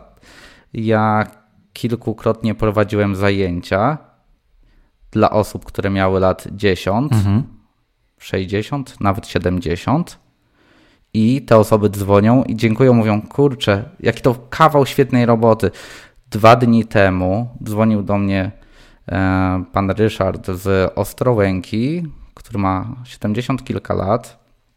Pracował w elektrowni, stracił wzrok i pyta mnie po jakichś trzech latach po tym, jak mieliśmy zajęcia, jaki on ma telefon wybrać, czy iPhone 8, czy, czy jakiś starszy. W każdym razie nie chciał nic, e, co nie ma przycisku Home, e, ponieważ no akurat mu jest tak wygodniej, tak? Ale to jest miłe, że ludzie dzwonią i jeżeli ktoś chce się nauczyć, to się nauczy, tak? E, Obsługi tego urządzenia. Ale też jest grupa osób, które nie chcą, nie, nie chcą i po prostu nie są w stanie się przekonać do tego sprzętu, do sprzętu mobilnego, mm, do smartfonów, może o tak. I też trzeba te osoby zrozumieć. Jakie mogą być powody? E, Różne, e, takie, no, ja bym powiedział tak, są osoby, które tak jak w ogóle, już niezależnie od, od tego w społeczeństwie, które jakby w ogóle stronią od y, technologii, dla nich to jest coś, po prostu jakaś czarna magia i w ogóle się tego nie ruszają. Ja mam taką ciocię, która mm, jak dostaje, nie wiem, czasami po kimś po prostu, ktoś wymienia sobie smartfona na nowego, no to daje potem te, tego, co miał cioci, tak? No i ta ciocia mówi, zobacz, tu masz instrukcję obsługi, to mnie tutaj naucz, bo to będzie wszystko nowe, nie? A ja mówię, ciocia, daruj mi tą instrukcję obsługi, ja sobie tam zobaczę ewentualnie trochę lubką, może coś, jeżeli jest telefon androidowy, to sobie włączę tam szybko jakieś tam funkcje ułatwień dostępu, przejrzę tu, przejrzę tam, Wiecie, ciocia, w tym telefonie robi się to tak. A skąd ty to wiesz? Przecież yy, nie czytałeś instrukcji, tak? A ja mówię, bo, bo to jest tak, że jak się ma już takie troszeczkę doświadczenie, to to jest, to jest też tak zrobione, że no, urządzenia, one nie są jakimiś tam drastycznymi rewolucjami dla nas, tak? L- Wprawionych użytkowników, więc ja zakładam, że coś jest zrobione na danym urządzeniu podobnie. No tak jak żeśmy tutaj już powiedzieli, iOS i Android, no, czy to dla osób no, sprawnych, ale również dla osób z niepełnosprawnościami, te funkcje, one nie są jakoś drastycznie różniące się. Gesty są podobne, tak? Ikonki są prawie identyczne, tak? To jest troszeczkę różni, tak? Ale ogólna zasada używania, jeżeli na przykład się przesiadasz, no nie wiem, z Androida na Androida, z Androida na iOS-a i tak dalej, to, to tak naprawdę to, co użytkownicy mówią, a ja się nie mogę do tego przejść do tamtego, to jest bardziej kwestia mm, pewnych już troszeczkę szczegółów, tak? Ja wiem, że szczegóły mają bardzo często znaczenie, tak? Bo ktoś nie może znaleźć, a jak się na przykład na Androidzie tam kontakty dodaje, bo na iOSie było inaczej na przykład, tak? To są oczywiście takie detale, ale ta ogólna zasada, że w ogóle dotykamy, że klikamy w coś paluchami, no, no jest to samo właściwie, tak? I u niektórych użytkowników może być po prostu na taka troszeczkę, no też się mówię o rozmaitych fobiach przed nowymi technologiami. Też musimy wiedzieć, że te, y, czy nasi rodzice, czy nasi dziadkowie się wychowywali zupełnie w innych czasach. Tak? Tak. No nie było tego, tak? Ale z drugiej strony zwróćmy na to uwagę, że i mobile, i w ogóle technologie zaczynają, mm, te interfejsy zaczynają być coraz bardziej naturalne, tak? Coraz częściej my mówimy do tych urządzeń, tak? No, Ja, voice, ja, ja, voice- już, na, ja już właśnie. mówię, ja już nawet mówię, OK Google, e, e, play e, radio rano, Mhm, jak się budzę, tak? I on mi z głośnika odtwarza radio, tak? Z zamkniętymi oczami to właściwie robię, tak? Tu Przez sen trochę, tak? I y, po prostu obecnie technologie dążą do tego, żeby te interfejsy były naturalne. Najbardziej chyba naturalna jest mowa. Oczywiście, jak nie ma tej mowy, no to dotykamy, tak? I jeszcze jeden taki y, sy, y, symptom powiem.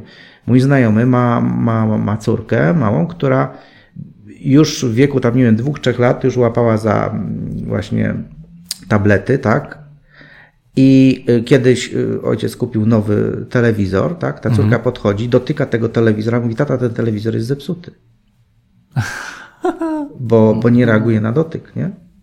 I ja, ja tylko zwracam po prostu na to uwagę, także z jednej strony, dla, zobaczcie, dla dziecka to jest naturalna komunikacja, tak? Dla osób niewidomych, słabowidzących, już też wiele razy używających, na przykład od wielu lat tego, to też są pewne nowe, e, pewne, pewne mm, już standardowe gesty, można by powiedzieć, tak? Mi zajęło jakieś trzy tygodnie, może dwa, jak mi się mózg przestawił z iPhone'a, który miał Home'a, a teraz nie ma Home'a. Jaki jest Aha, gest tam aha, na przykład aha. powrotu? Muszę przeciągnąć inaczej palcem, tak? Bo nie nacisnę na Home, bo go nie ma, ale zastąpiono to innym gestem po prostu, nie?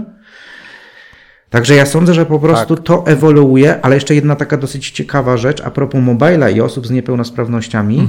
Y, Wyobra- y, to też chyba, Piotrze, to potwierdzisz. Tak wielu moich przyjaciół niewidomych, słabowidzących mówi, na przykład jak korzystacie, korzysta się y, czy z Facebooka, czy z Twittera, czy no, z mediów społecznościowych na przykład, tak? To łatwiej się pisze posty i czyta posty na mobilu, na aplikacji, niż na komputerze.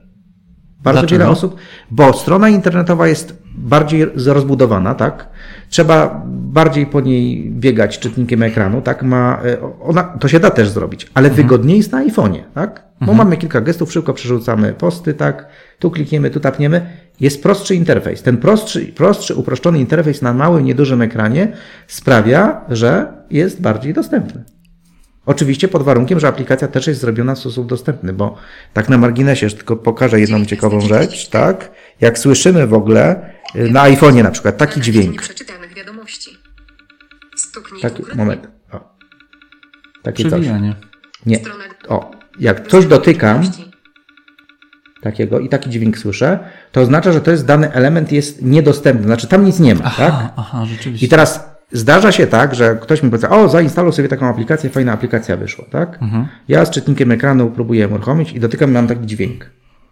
No, okazuje się, że wtedy aplikacja została przygotowana w sposób niedostępny, tak? Czyli w ogóle nie jest, bo to, żeby zrobić w ogóle aplikację, też sobie pewnie za chwileczkę o tym powiemy, tak? Na co zwrócić uwagę, tak? E, projektując aplikację, bo też, też jest taka kwestia, że jeżeli wykorzystujemy standardowe tak zwane elementy, tak? To w większości przypadków nie ma problemu z dostępnością. Natomiast jeżeli robimy własne elementy, własne kontrolki, to wtedy troszeczkę o tą dostępność, o zaprogramowanie jej trzeba już troszeczkę zadbać, tak? Ale to też nie jest jakaś tam wolna amerykanka, bo zarówno Android, jak i iOS mają swoje dokumentacje bardzo bogate dla deweloperów, jak tworzyć aplikacje, które mają wszystkie elementy dostępne. No to Ale to też ciekawa sprawa, bo y, zarówno aplikacje, które są wypuszczane przez Google, y, przez Apple i przez Microsoft, czyli tak naprawdę przez trzech gigantów, to są chyba jedne z najbardziej dostępnych aplikacji dla czytników ekranowych na pewno. Tak? Dobrze, że tam Microsoft powiedziałeś. zdarza się, że jest element jakiś nieopisany, niedostępny. Nawet aplikacja mm, którą wypuścił Microsoft jakiś czas temu, chyba to się nazywa MAF, czy jakoś tak, y, do sprawdzania, jak zostały. mm, Robimy zdjęcie mm, jakiegoś przykładu matematycznego, jakiegoś chyba ciągu al- algebraicznego, już w tej chwili nie pamiętam. W każdym razie robimy zdjęcie i ta aplikacja rozpisuje nam krok po kroku, jak to zostało opisane, i każdy klawisz, każdy element jest y, opisany. Odkrywacie totalnie nowe, nowe kontynenty przede mną. Jestem zafascynowany tym, co po prostu pokazujecie. Wow. A dla nas to jest codzienność. Ale to jest coś, to, to, to, ja, tu, to ja tutaj jestem, to wy jesteście tubylcami, ja, ja tu jestem człowiekiem, który gdzieś tam z daleka przyjechał i mówi, pokaż mi jak to się robi. Ja nie- po- Do Niemalże, innego lasu wchodzisz. no, nie, niemalże pokaż mi jak się ogień rozpala w tym, w tym momencie. Bardzo mi się podoba to, to odwrócenie ról. Super, super. Panowie, e, powiedzieliśmy o e, trochę o różnicach, a tak naprawdę o podobieństwach. Mówiliśmy o tym, że się zacierają podobieństwa między iOS-em, Androidem e, w dostępności. Mówiliśmy o czytnikach ekranu, o udogodnieniach ekranu, o trybie ciemnym, o, mówiliście o, e, o odwróceniu kolorów, tak? Mówiliśmy o tym? Jeszcze nie, Dalej? ale dwa słowa warto powiedzieć, bo tak to można zauważyć, tak? Tryb ciemny e, zaczyna, zwróćcie uwagę, robić w ogóle karierę, prawda? Tak. Pewnie też Tak. e, i Piotrze, i, i- Jędrzeju Tak. zauważacie, że to się pojawia. Tak? I, I na stronach internetowych, tak? Warto, bo... I tak dalej. A wiecie, że to się bierze z dostępności? Bo tak naprawdę kiedyś To się bierze było coś takiego, jak. tak. No bo dlaczego to się wprowadza? No, jak sądzisz, dlaczego na przykład w takim, y, czy Macu, czy na Stanach w ogóle, dlaczego jest stosowany tryb ciemny? Bo co jest nie tak z trybem jasnym? No, z jednej strony mówi się o tym, że tryb y, ciemny, czy te, czy te odcienie szarości, tak? O tym mówimy? No tak, tak. Dark że, mode tam. i- Że dark mode, że, e, Night że mode. pozbawienie kolorów e, pomaga nam e, zrobić sobie trochę detoksu e, na social mediach. Ale z racji tego, że e, bardzo duża część mojej rodziny, rodziny to są logopedzi e, i, i osoby e, mające wykształcenie, nie, wiem, specjalne, to po prostu wiem, że to, jest, to również pomaga osobom niedowidzącym. Ja wiem, że niektóre nasze strony państwowe mają tryb jaskrawy. No mają, również, mają, tak? mają, ale ja bardziej zwróciłem w ogóle uwagę, jakby tak zapytałem trochę ciebie jako osobę Mhm. widzącą. E, Jak sądzisz w ogóle, dlaczego w ogóle dla wszystkich takie coś się uruchamia? No, nawet w najnowszych wersjach, no nie Mac OS czy na iPhone'ach, tak, wprowadzono tryb ciemny, tak? Dark mode. Mhm, No to tak? po co to zrobiono, żeby To co jest nie tak z tym trybem jasnym? Że wprowadzono tryb ciemny. jest większy kontrast, Może- lepiej się ogląda. O właśnie, kiedy? A w jakich sytuacjach w szczególności? Jak jest bardzo jasno, to się lepiej mi, mi się mi się Albo na przykład w nocy, kiedy na przykład już wszyscy domownicy tak, śpią, tak? tak. To mnie się w E, oczy I, I po oczach ci nie daje tak, Tak, ostro, nie? tak, No właśnie. I to się ale, też z tego ale też jeszcze jedna rzecz, ale też jeszcze jedna rzecz. OLEDy znowuż. Aha, rozwiń temat. Zobaczcie, ile musimy wyświetlić białego, a ile czarnego, na przykład ciemnego, tak? Jeżeli mam taki mm, ciemny motyw, to większość jest czarno. Na, na, na ekranie jest w większości y, są wyświetlane, jest to czarne tło, białe litery, jakieś tam ewentualnie grafiki, tak? I te piksele, one są w OLEDzie wyłączone. Oszczędzamy baterię.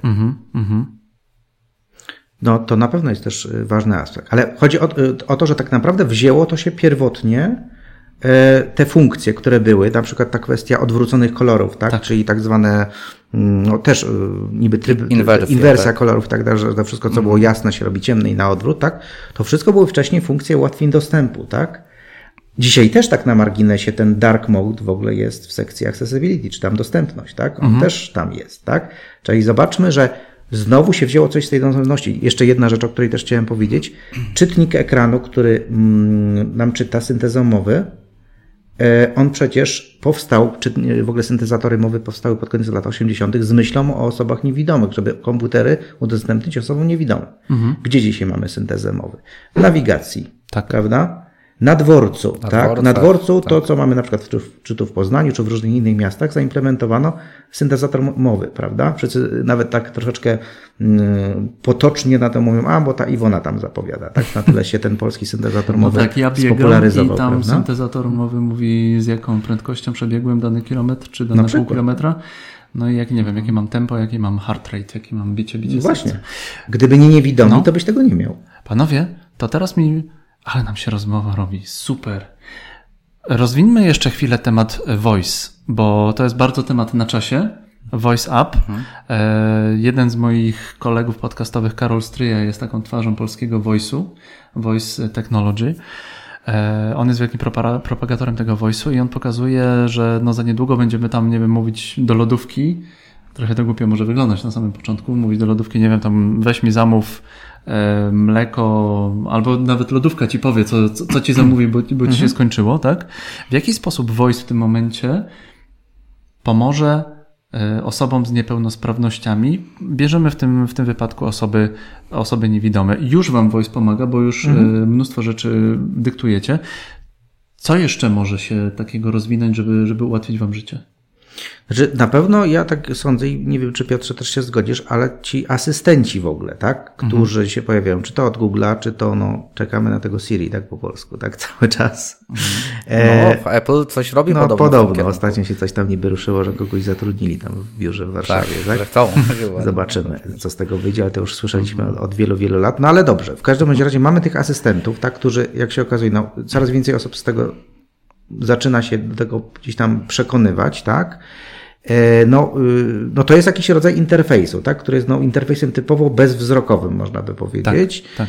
I no to jest po, po prostu spore ułatwienie, że ja mam jako osoba niewidoma, słabowidząca w standardzie coś takiego, czyli tak mogę się komunikować z, z urządzeniem, już niezależnie od tego, czy to jest głośnik, czy smartfon i tak dalej, no to jakby no to w to mi graj, mogę, mogę powiedzieć, tak?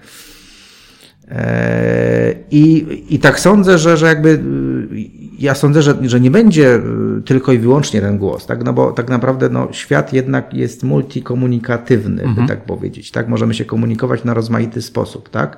Ja też liczę na to, że też to będzie coraz bardziej się w taki sposób rozwijać, że tak jak mamy, ile człowiek ma zmysłów, tak? Wzrok, słuch, dotyk, węch, tak? No i jeszcze ten niedawno magnetyczny otwór, odkryty. Tak, i mhm. ja sądzę, że po prostu interfejsy będą ewoluować w tą stronę, żeby wykorzystywać te nasze naturalne, ten nasz naturalny interfejs, tak? Mhm. Czyli właściwie ten taki, można by powiedzieć, human interface, tak? Ten, który mamy my jako naturalny, że Steve Jobs też powiedział, tak? A, a propos dotykania, tak? Nie będziemy używać żadnych tam piórek i tak dalej, bo mamy dziesięć ich.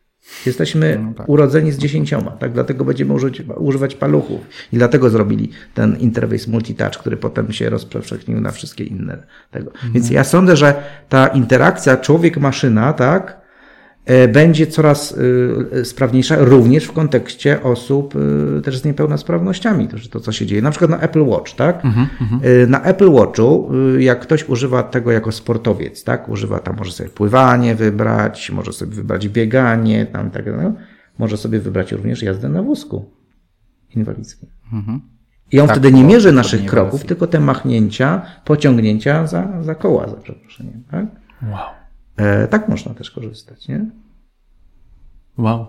Także no. No inna sprawa to bezpieczeństwo, prawda, przesyłanych danych mhm. E, i, i, to jak działają te, ci asystenci głosowi, e, jak są te dane przesłuchi przesłuchiwane. No też są przesłuchiwane, tak, czasami są przesłuchiwane, do czego się nawet Apple przyznało jakiś czas temu, że żeby, żeby jednak polepszyć jakość prac, jakość zrozumiałości tych komunikatów przez sztuczną inteligencję, no to trzeba pobrać skądś dane, prawda?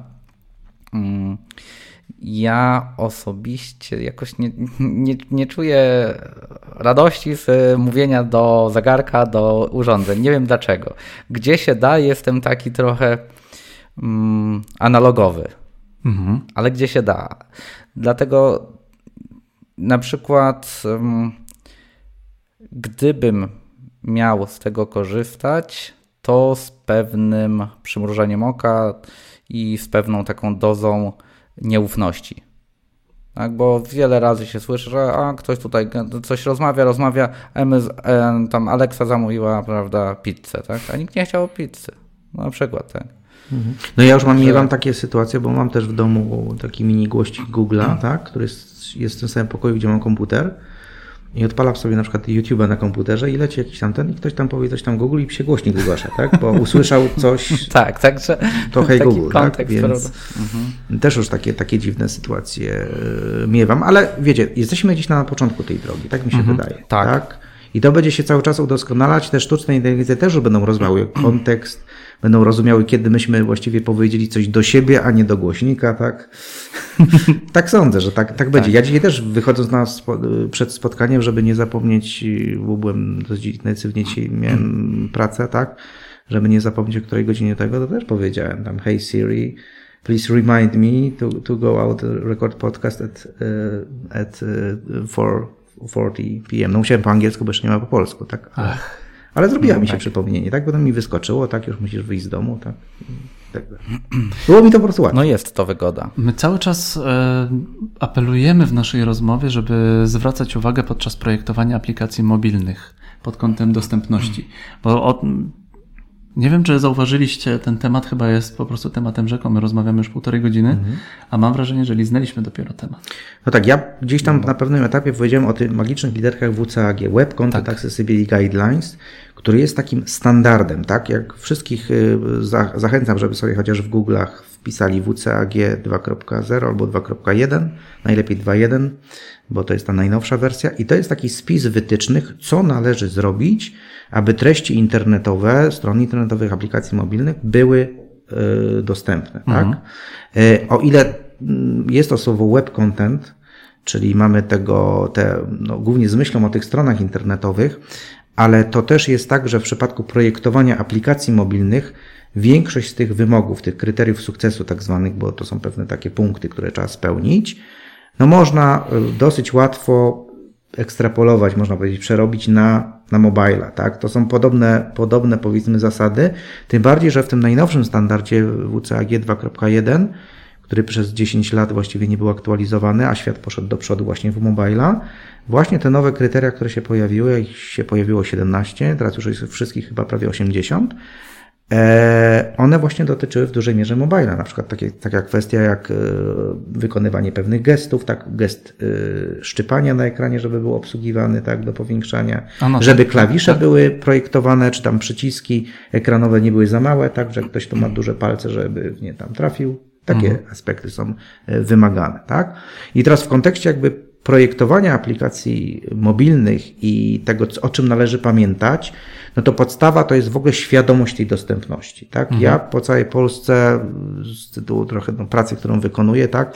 Jeżdżę i niektórzy mówili, że zresztą nawet kiedyś ktoś mi powiedział, żebym sobie to wpisał w, w moje bio i sobie wpisałem, że jestem ewangelistą dostępności, tak? Że WCAG to jest taka, nazwijmy to Biblia, tak? A ja tak jeżdżę i, i ewangelizuję z tej dostępności, tak? Jeżeli by w takich klimatach to trochę rozpatrywać. No i tak trochę to jest, tak? Bo, bo ja na tych szkoleniach po prostu tłumaczę, tak? y, Takim prostszym językiem, na przykładach właśnie takich jak tutaj w tej chwili, czym ta dostępność jest, z czym to się wiąże. I dopiero jak ci ludzie właśnie widzą te przykłady, że tu czyta, tu robi, że tu są, aha, to o to chodzi, tak? I, I sądzę, że właśnie to, to jest też ta esencja trochę tego. I dopiero jak mamy tą podstawę, że wiemy o co chodzi, wiemy jakie są niepełnosprawności, wiemy, że y, z powodów tych niepełnosprawności y, trzeba pewne rzeczy, o pewnych rzeczach pamiętać, a potem się też okazuje, że jak się będziemy pamiętać o tym, to się pamięta właściwie o wszystkich, tak?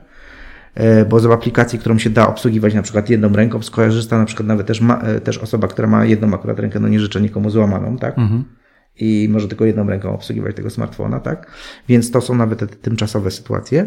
Ale chodzi po prostu o to, że jak już to będziemy wiedzieć, a tym bardziej, że jesteśmy no, twórcą, deweloperem, projektantem, no to to musimy mieć troszeczkę tak, no w cudzysłowie, no trochę w małym palcu, tak? Żeby... Testy, testy, testy, kombinowanie. Współpraca tak naprawdę w ogóle z ekspertami dostępności, tak? Zadzwonić do Mikołaja. No, nie tylko do mnie, bo nas, no, nas jest co prawda, mo, e, tak, nas tak naprawdę myśmy kiedyś się policzyli jako dostępnościowcy Mhm. i wyszło, że tak naprawdę w skali naszego kraju to jest tam, wie, kilkanaście osób, może dwadzieścia, które po prostu codziennie się tam zajmują, tak, Mhm. E, prawie nieustannie. 20 osób na cały kraj to jest, no, to jest mało. mało. To niewiele, kropla w morzu, ale testy z grupami docelowymi. Tak, to też jest ważna rzecz, tak, że gdzieś się pytamy użytkowników po prostu, tak, Mhm. oczywiście to też nie mogą być ludzie wzięci gdzieś tam z łapanki, tak, bo to też muszą być osoby troszeczkę, jak to się mówi po młodzieżowemu, ogarnięte Tak. y, w No w tych temacie. technologiach, tak, bo nie może być sytuacja taka, że pierwszy raz kogoś stawia, siedziamy przed komputerem, no to ta osoba od razu nam powie, Masz- to wszystko jest dla niego niedostępne, tak, e, ale też nie o to chodzi, nie? Także no tutaj na pewno i też warto, warto wiedzieć, warto pamiętać o tym, że nie możemy mm, być przekonani o tym, że a, bo z naszej aplikacji na przykład osoba niewidoma, czy osoba niesłysząca, czy z inną niepełnosprawnością, to na pewno nie skorzysta. Ależ oczywiście, że może w wielu przypadkach skorzystać. Może y, chociażby niech to będzie na przykład aplikacja, e, dzięki której możemy zakupić bilety do kina. A dlaczego osoba niewidoma ma nie skorzystać z aplikacji, e, dzięki której mamy kupić bilety do kina? Ależ osoby niewidome też chodzą do kina, tak? Znają angielski. E, po- Coraz powszechniejsza jest też audiodeskrypcja. To, jest, y, to jest rzecz, która Tak. jakiś czas temu byłem w kinie z audiodeskrypcją i powiem, że w tym momencie zamknąłem oczy i mi wtedy opisywało. I było to zupełnie inne przeżycie, jak, jak słuchałem to. Y, Tak. I już teraz wiem, że to jest potrzebne. e, Po prostu doświadczyłem tego na swojej, na swojej skórze, że tak powiem i to tak, to tak, dlaczego, dla, dlaczego osoba niewidoma ma nie pójść do kina rzeczywiście? To jest, tak, to, to jest ale- normalne. Mhm. E, Też aplikacje, dzięki którym zbieramy jakieś e, punkty lojalnościowe, tak? Idziemy do jakiegoś sklepu, robimy zakupy, ktoś pyta nas, a czy ma pani pan aplikację? No to mam, tak? Jeżeli ta aplikacja jest dostępna, czyli wszystkie elementy interfejsu w przypadku osoby niewidomej są czytane przez czytnik ekranowy, albo są Mogę kontrastowe, w kod wyświetlić, który potem kasie tak dalej pokazuje, tak? Mhm, mhm. tak, to nam jest, to, to my będziemy chętniej przychodzili do tego sklepu. I to, Bo wiemy, że możemy liczyć na pomoc, możemy liczyć na to, że ta aplikacja nam będzie działała i nie będziemy się stresować tak naprawdę. I to jest też to, co ja powiedziałem tą- wcześniej, tak, y, gdzieś tam na początku, że właśnie zwiększając dostępność po prostu, tak, y, również, no, y, mamy też przecież tych klientów z niepełnosprawnościami. Oni chętnie po prostu wybiorą opłaca. tą aplikację. Znowu się, znowu się opłaca, tak. Ja też jeszcze chciałem powiedzieć, bo tak mi się y, tutaj w głowie przypomniało jeszcze, bo tak jak mówiliśmy o tych aplikacjach, które są dedykowane osobom niewidomym, tak, jak przed chwileczką była aplikacja TapTapC, y, z której można powiedzieć, jesteśmy trochę tak bardziej niezależni w tym momencie, tak? Ale chciałbym powiedzieć o takiej jednej dość ciekawej aplikacji, która moim zdaniem jest taką troszeczkę kwintesencją mobila i połączenia, można powiedzieć, osób z niepełnosprawnościami i osób y, mm, widzących. No jest to aplikacja dedykowana osobom niewidomym, słabowidzącym, ale y, zaraz powiem y, o co chodzi. Aplikacja się nazywa Be My Eyes, czyli bądź moimi oczami. E, I to jest właściwie cały taki system. Aplikacja po zainstalowaniu pyta nas, czy my chcemy być, czy my jesteśmy osobą niewidomą, tam z niepełnosprawnością, czy chcemy być widzącym wolontariuszem. Zakłada się konto. Jedna i osoba i druga za- zakłada, niezależnie od tego, którą, którą rolę pełnimy, tak? I teraz tak, osoba niewidoma ma w tym momencie y, taką możliwość, że jak potrzebuje pomocy użycia czyjegoś oka, tak? Bo na przykład no może mieć tap tap C, ale tap tap C nie wykryje jej wszystkiego, no nie powie jej tam o kolorach dokładnie, jakie to są kolory skarpetek, a na przykład przeczytał jej, że są jakieś owoce na, na mm, mówię o tej drugiej aplikacji tap tap C, że przeczytał, że są jakieś owoce na opakowaniu, ale nie wiemy do końca, czy to są maliny, czy to są na przykład, yy, nie wiem, truskawki, tak? A to jest w stanie tylko człowiek zrobić. W tym momencie odpalam sobie aplikację Be My Eyes i on się łączy w czasie rzeczywistym z, z najbliższym dostępnym wolontariuszem. Aha. Wolontariusz dostaje powiadomienie, że jest osoba y, niewidoma, która chce skorzystać z Twojej pomocy. Tam się oczywiście wszystko ustawia wcześniej, konfiguracja języka, w jakim języku byś chciał się porozumiewać. On też uwzględnia w ogóle strefy czasowe, także w nocy nie będzie budził, będzie starał się nie budzić osób, jak potrzebujemy w nocy jakiejś pomocy, zobaczenia, tak, czegoś, to będzie się starał najbliższą aktywną osobę. Jeżeli Ty dostajesz jako wi- widząca osoba powiadomienie jako wolontariusz, że jakaś osoba chciałaby Twojej pomocy, to Ty oczywiście możesz to po, połączenie też odrzucić, tak, wtedy system szuka następnej osoby, tak? No ale jeżeli się zgłaszasz, to po prostu uruchamione zostaje połączenie wideo. Ty widzisz to, co ty widzisz w tym momencie na swoim jako wolontariusz e, obraz z kamery tej osoby, Macie połączenie głosowe i ta osoba ci mówi, y, proszę pana, czy może pan mi pomóc tutaj, otwieram lodówkę i mam jakieś dwa jogurty, czy może pan powiedzieć, czy ten jest truskawkowy, czy ten jest malinowy, tak? Pokazujemy, rozłączamy się i ty, jako, osoba, jako wolontariusz, no, zachęcam też wszystkich do zainstalowania sobie tej aplikacji, również właśnie widzące osoby, bo możecie po prostu być czyimiś oczami po prostu. Tak? Aplikacja eyes. jest bezpłatna zupełnie, tak? Mhm. Ja myślę, że w ogóle warto zrobić gdzieś tutaj pod, czy pod, pod, pod tym live'em mm, we wpisie y, spis takich y, aplikacji, bo może komuś się to po, po prostu Link- przydać linki, i odnośnie linki będą w opisie. Mhm, do, do w ogóle do miejsc, gdzie można szukać tych aplikacji, prawda? Bo Applevis, zdaje się, taki, taka, taki portal jest, tak? E, No są też grupy poświęcone dostępności, czy to Androida, czy, czy iOS. Mhm. Także znowuż tutaj e, w przypadku Be My Eyes znowuż wykorzystujemy aparat i tu chciałbym jeszcze nawiązać do wersji nie tylko software'owej, ale e, ha- hardware'u, tak? Czyli całego sprzętu, który tutaj akurat różni Androida i iOS, tak? Gdzie w Androidzie mamy całą paletę modeli, spośród której możemy wybierać mm, telefon z taką pamięcią, z takim procesorem, z taką pojemnością pamięci, e, flash, czy, czy z takim aparatem, tak? I ten zakres tych cen to jest po prostu no, olbrzymi, tak? Od stu paru złotych pewnie do kilku, kilku, no, kilku tysięcy, tak? A w przypadku systemu iO- iOS, no to już idziemy w jakieś tysiące, prawda? I znowuż, jeśli chcemy wybrać urządzenie, decydujemy się na system Android, to też musimy pamiętać o tym, że nie zawsze to najtańsze urządzenie będzie działało tak, jak my będziemy tego chcieli, jak będziemy od niego oczekiwali.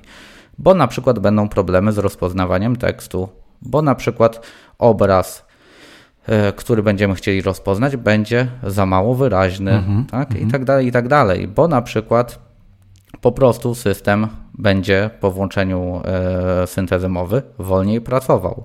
I to tak wolno, że ten telefon to będzie taki średnio przyjemnie z niego będzie korzystać, tak? Także to też na to warto zwrócić uwagę, że nie zawsze warto wybierać tańszy produkt.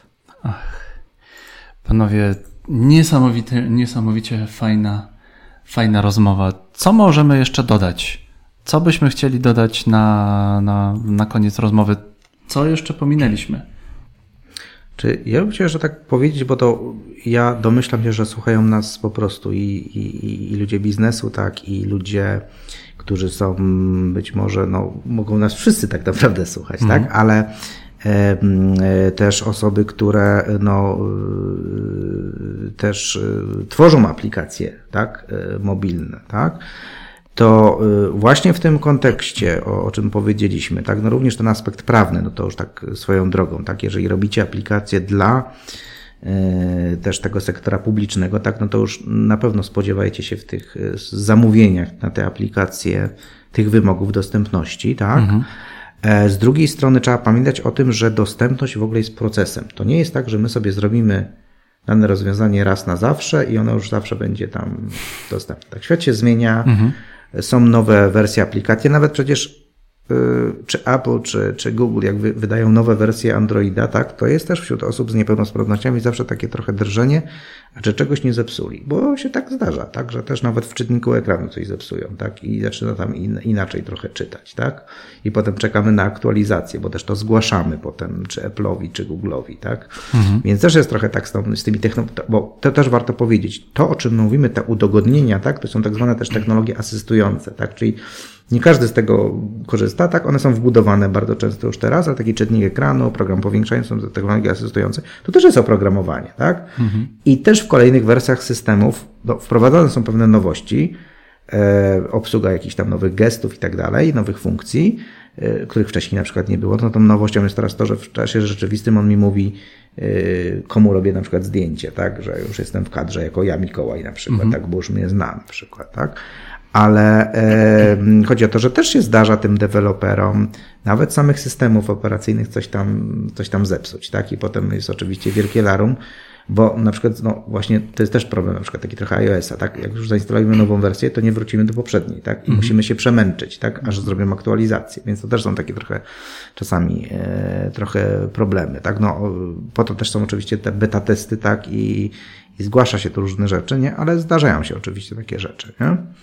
E, Natomiast y, ja powiem tak, na y, taką jeszcze chyba dosyć ważną rzecz, z perspektywy nawet firm, które tworzą aplikacje mobilne, e, dostępność staje się pomalutku taką kompetencją i czasami nawet kartą przetargową na rynku. Tak? To może być dodatkowa przewaga, budowanie przewagi konkurencyjnej po prostu. Tak? Robimy dostępne aplikacje zgodnie ze standardami, a ktoś inny nie robi. No to jeżeli będzie, jest No coraz więcej plus. zamówień na to, to raczej wybiorą nasz tam software house niż konkurencji, która tego nie robi. Tak? A już jak będziemy mieć w ogóle w portfolio e, aplikacje, które w ogóle przeszły e, audyty dostępności, to już w ogóle możemy się też pochwalić e, czymś takim. Nie? Piotrze, złote słowo. Złote na słowo. Ja myślę, że wszystko zmierza ku lepszemu i taka jest prawda. I e, w przypadku na pewno Apple'a e, za dostępność też odpowiada, jest w, zespole i odpowiada za tę dostępność osoba z niepełnosprawnością, która po prostu sama od podszewki y, no gdzieś dotykają jej te problemy rozmaite tak? i jakieś przeciwności losu. I też jeżeli mamy taką możliwość rzeczywiście tworzymy jakąś mm, aplikację, żeby nawiązać współpracę z takimi osobami i żeby jeżeli nie nawiązać, to chociaż konsultować. Tak? Konsultować, konsultować, konsultować. Pytać, I po bez prostu względu, pytać. rzeczywiście tak, bez względu na to, czemu ta aplikacja służy, bo naprawdę nie wiemy w jakim momencie swojego życia ktoś po taką naszą aplikację sięgnie. Tak? Na przykład aplikacja odpowiadająca za robienie zrzutów e, z, na, na, na, z ekranu, tak? zrzutów ekranowych na no, jakimś jednym czy drugim systemie.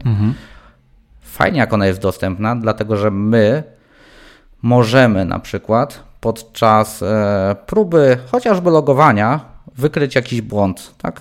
No, coś nam się wyświetla, jakiś serwer zwraca komunikat i my możemy, zrobiąc taką dostępną aplikacją zrzut, możemy ten zrzut następnie wysłać do jakiegoś dewelopera, tak? Słuchaj, tutaj nam nie działa e, to i to i to podczas próby logowania, tak? Mhm. Taka rzecz. Przeciekawy temat, panowie. Coś Tak głęboki. bardzo, bardzo głęboki. No i tych aplikacji jest mnóstwo, tak? Mnóstwo. E, które są od- przeznaczone, prze- przeznaczone dla osób niewidomych, słabowidzących. Tak? To, to tych aplikacji rzeczywiście jest coraz, coraz więcej. Są to aplikacje rozmaitego kalibru i służące właśnie e, przetwarzaniu tekstu na mowę, takiego tekstu z papieru, czyli jakieś tam OCR-y, mm, roz, aplikacje służące rozpoznawaniu banknotów i tak dalej, i tak dalej. Tak? To, tego jest naprawdę mnóstwo. Poruszyliśmy. To, to, to wychodzi po prostu wielki, nieodkryty kontynent dla osób bez niepełnosprawności, a jednocześnie mamy tutaj aspekt. Ha, mamy tu aspekt y, pieniężny, mamy tu aspekt jakiś merkantylny, bo im więcej osób używa mojej aplikacji, tym więcej się zarabia. E, Aspekt humanistyczny, czyli po prostu nie wykluczamy nikogo. Aspekty em, technologiczne, to co mi teraz Mikołaju pokazałeś, no wow. To szklanka, to telefon, no to są podstawowe rzeczy, które jak zamknę oczy, to rozumiem, że tego można, można tego, sorry za truizm, ale no można tego nie widzieć. E, No tak. Zwiększanie ilości użytkowników no, jest wielka, wielka nisza, która idzie do przodu, więc chyba trzeba w tym momencie startować z wymyślaniem dobrych, ciekawych rzeczy dostępnych. Czym prędzej. Mądrych, Albo fajnych. udostępniać swoje aplikacje. Tak, pracować nad nimi, żeby one po prostu były w jak najszerszym zakresie dostępne. Mhm. Jeżeli ktoś nie opisuje przycisków, nie daje im etykiet, to po prostu starać się właśnie pracować w kolejnych wersjach Mhm. nad e, udostępnianiem tych klawiszy.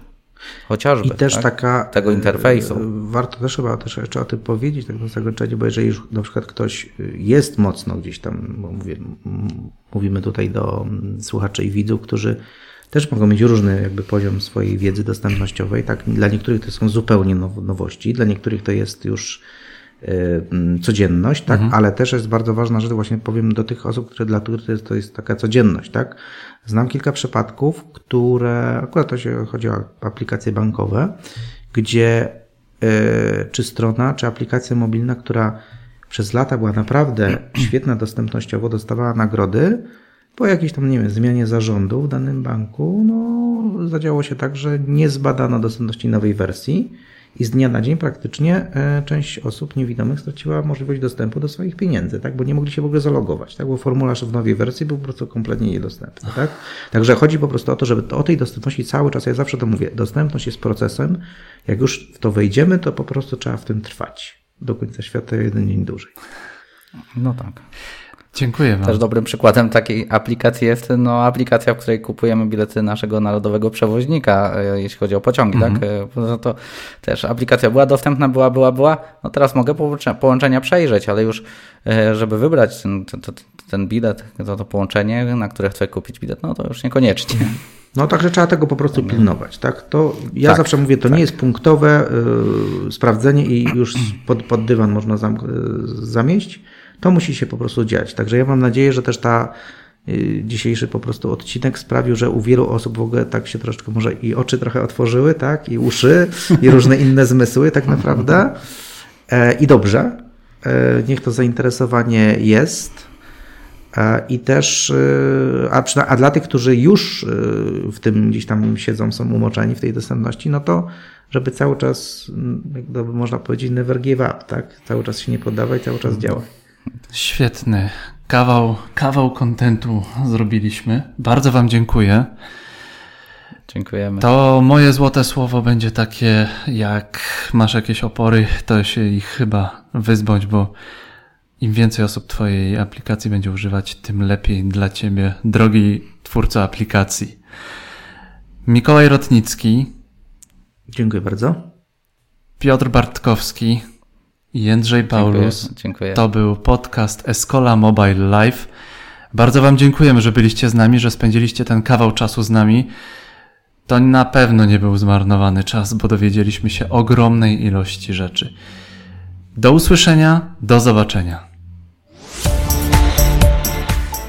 Escola Mobile. Biznes masz w kieszeni. Dziękujemy za Twój czas. Jeśli w Twoim otoczeniu są osoby, które mogłyby skorzystać z naszych pomysłów, przekaż im link do tego podcastu. Udostępnij na fejsie, na LinkedInie, na Twitterze, opowiedz o tym podcaście swoim znajomym. Pięć gwiazdek i komentarz na iTunes pomaga w dotarciu do nowych osób zainteresowanych biznesem mobile. Jeśli masz jakieś pytania, chętnie na nie odpowiemy.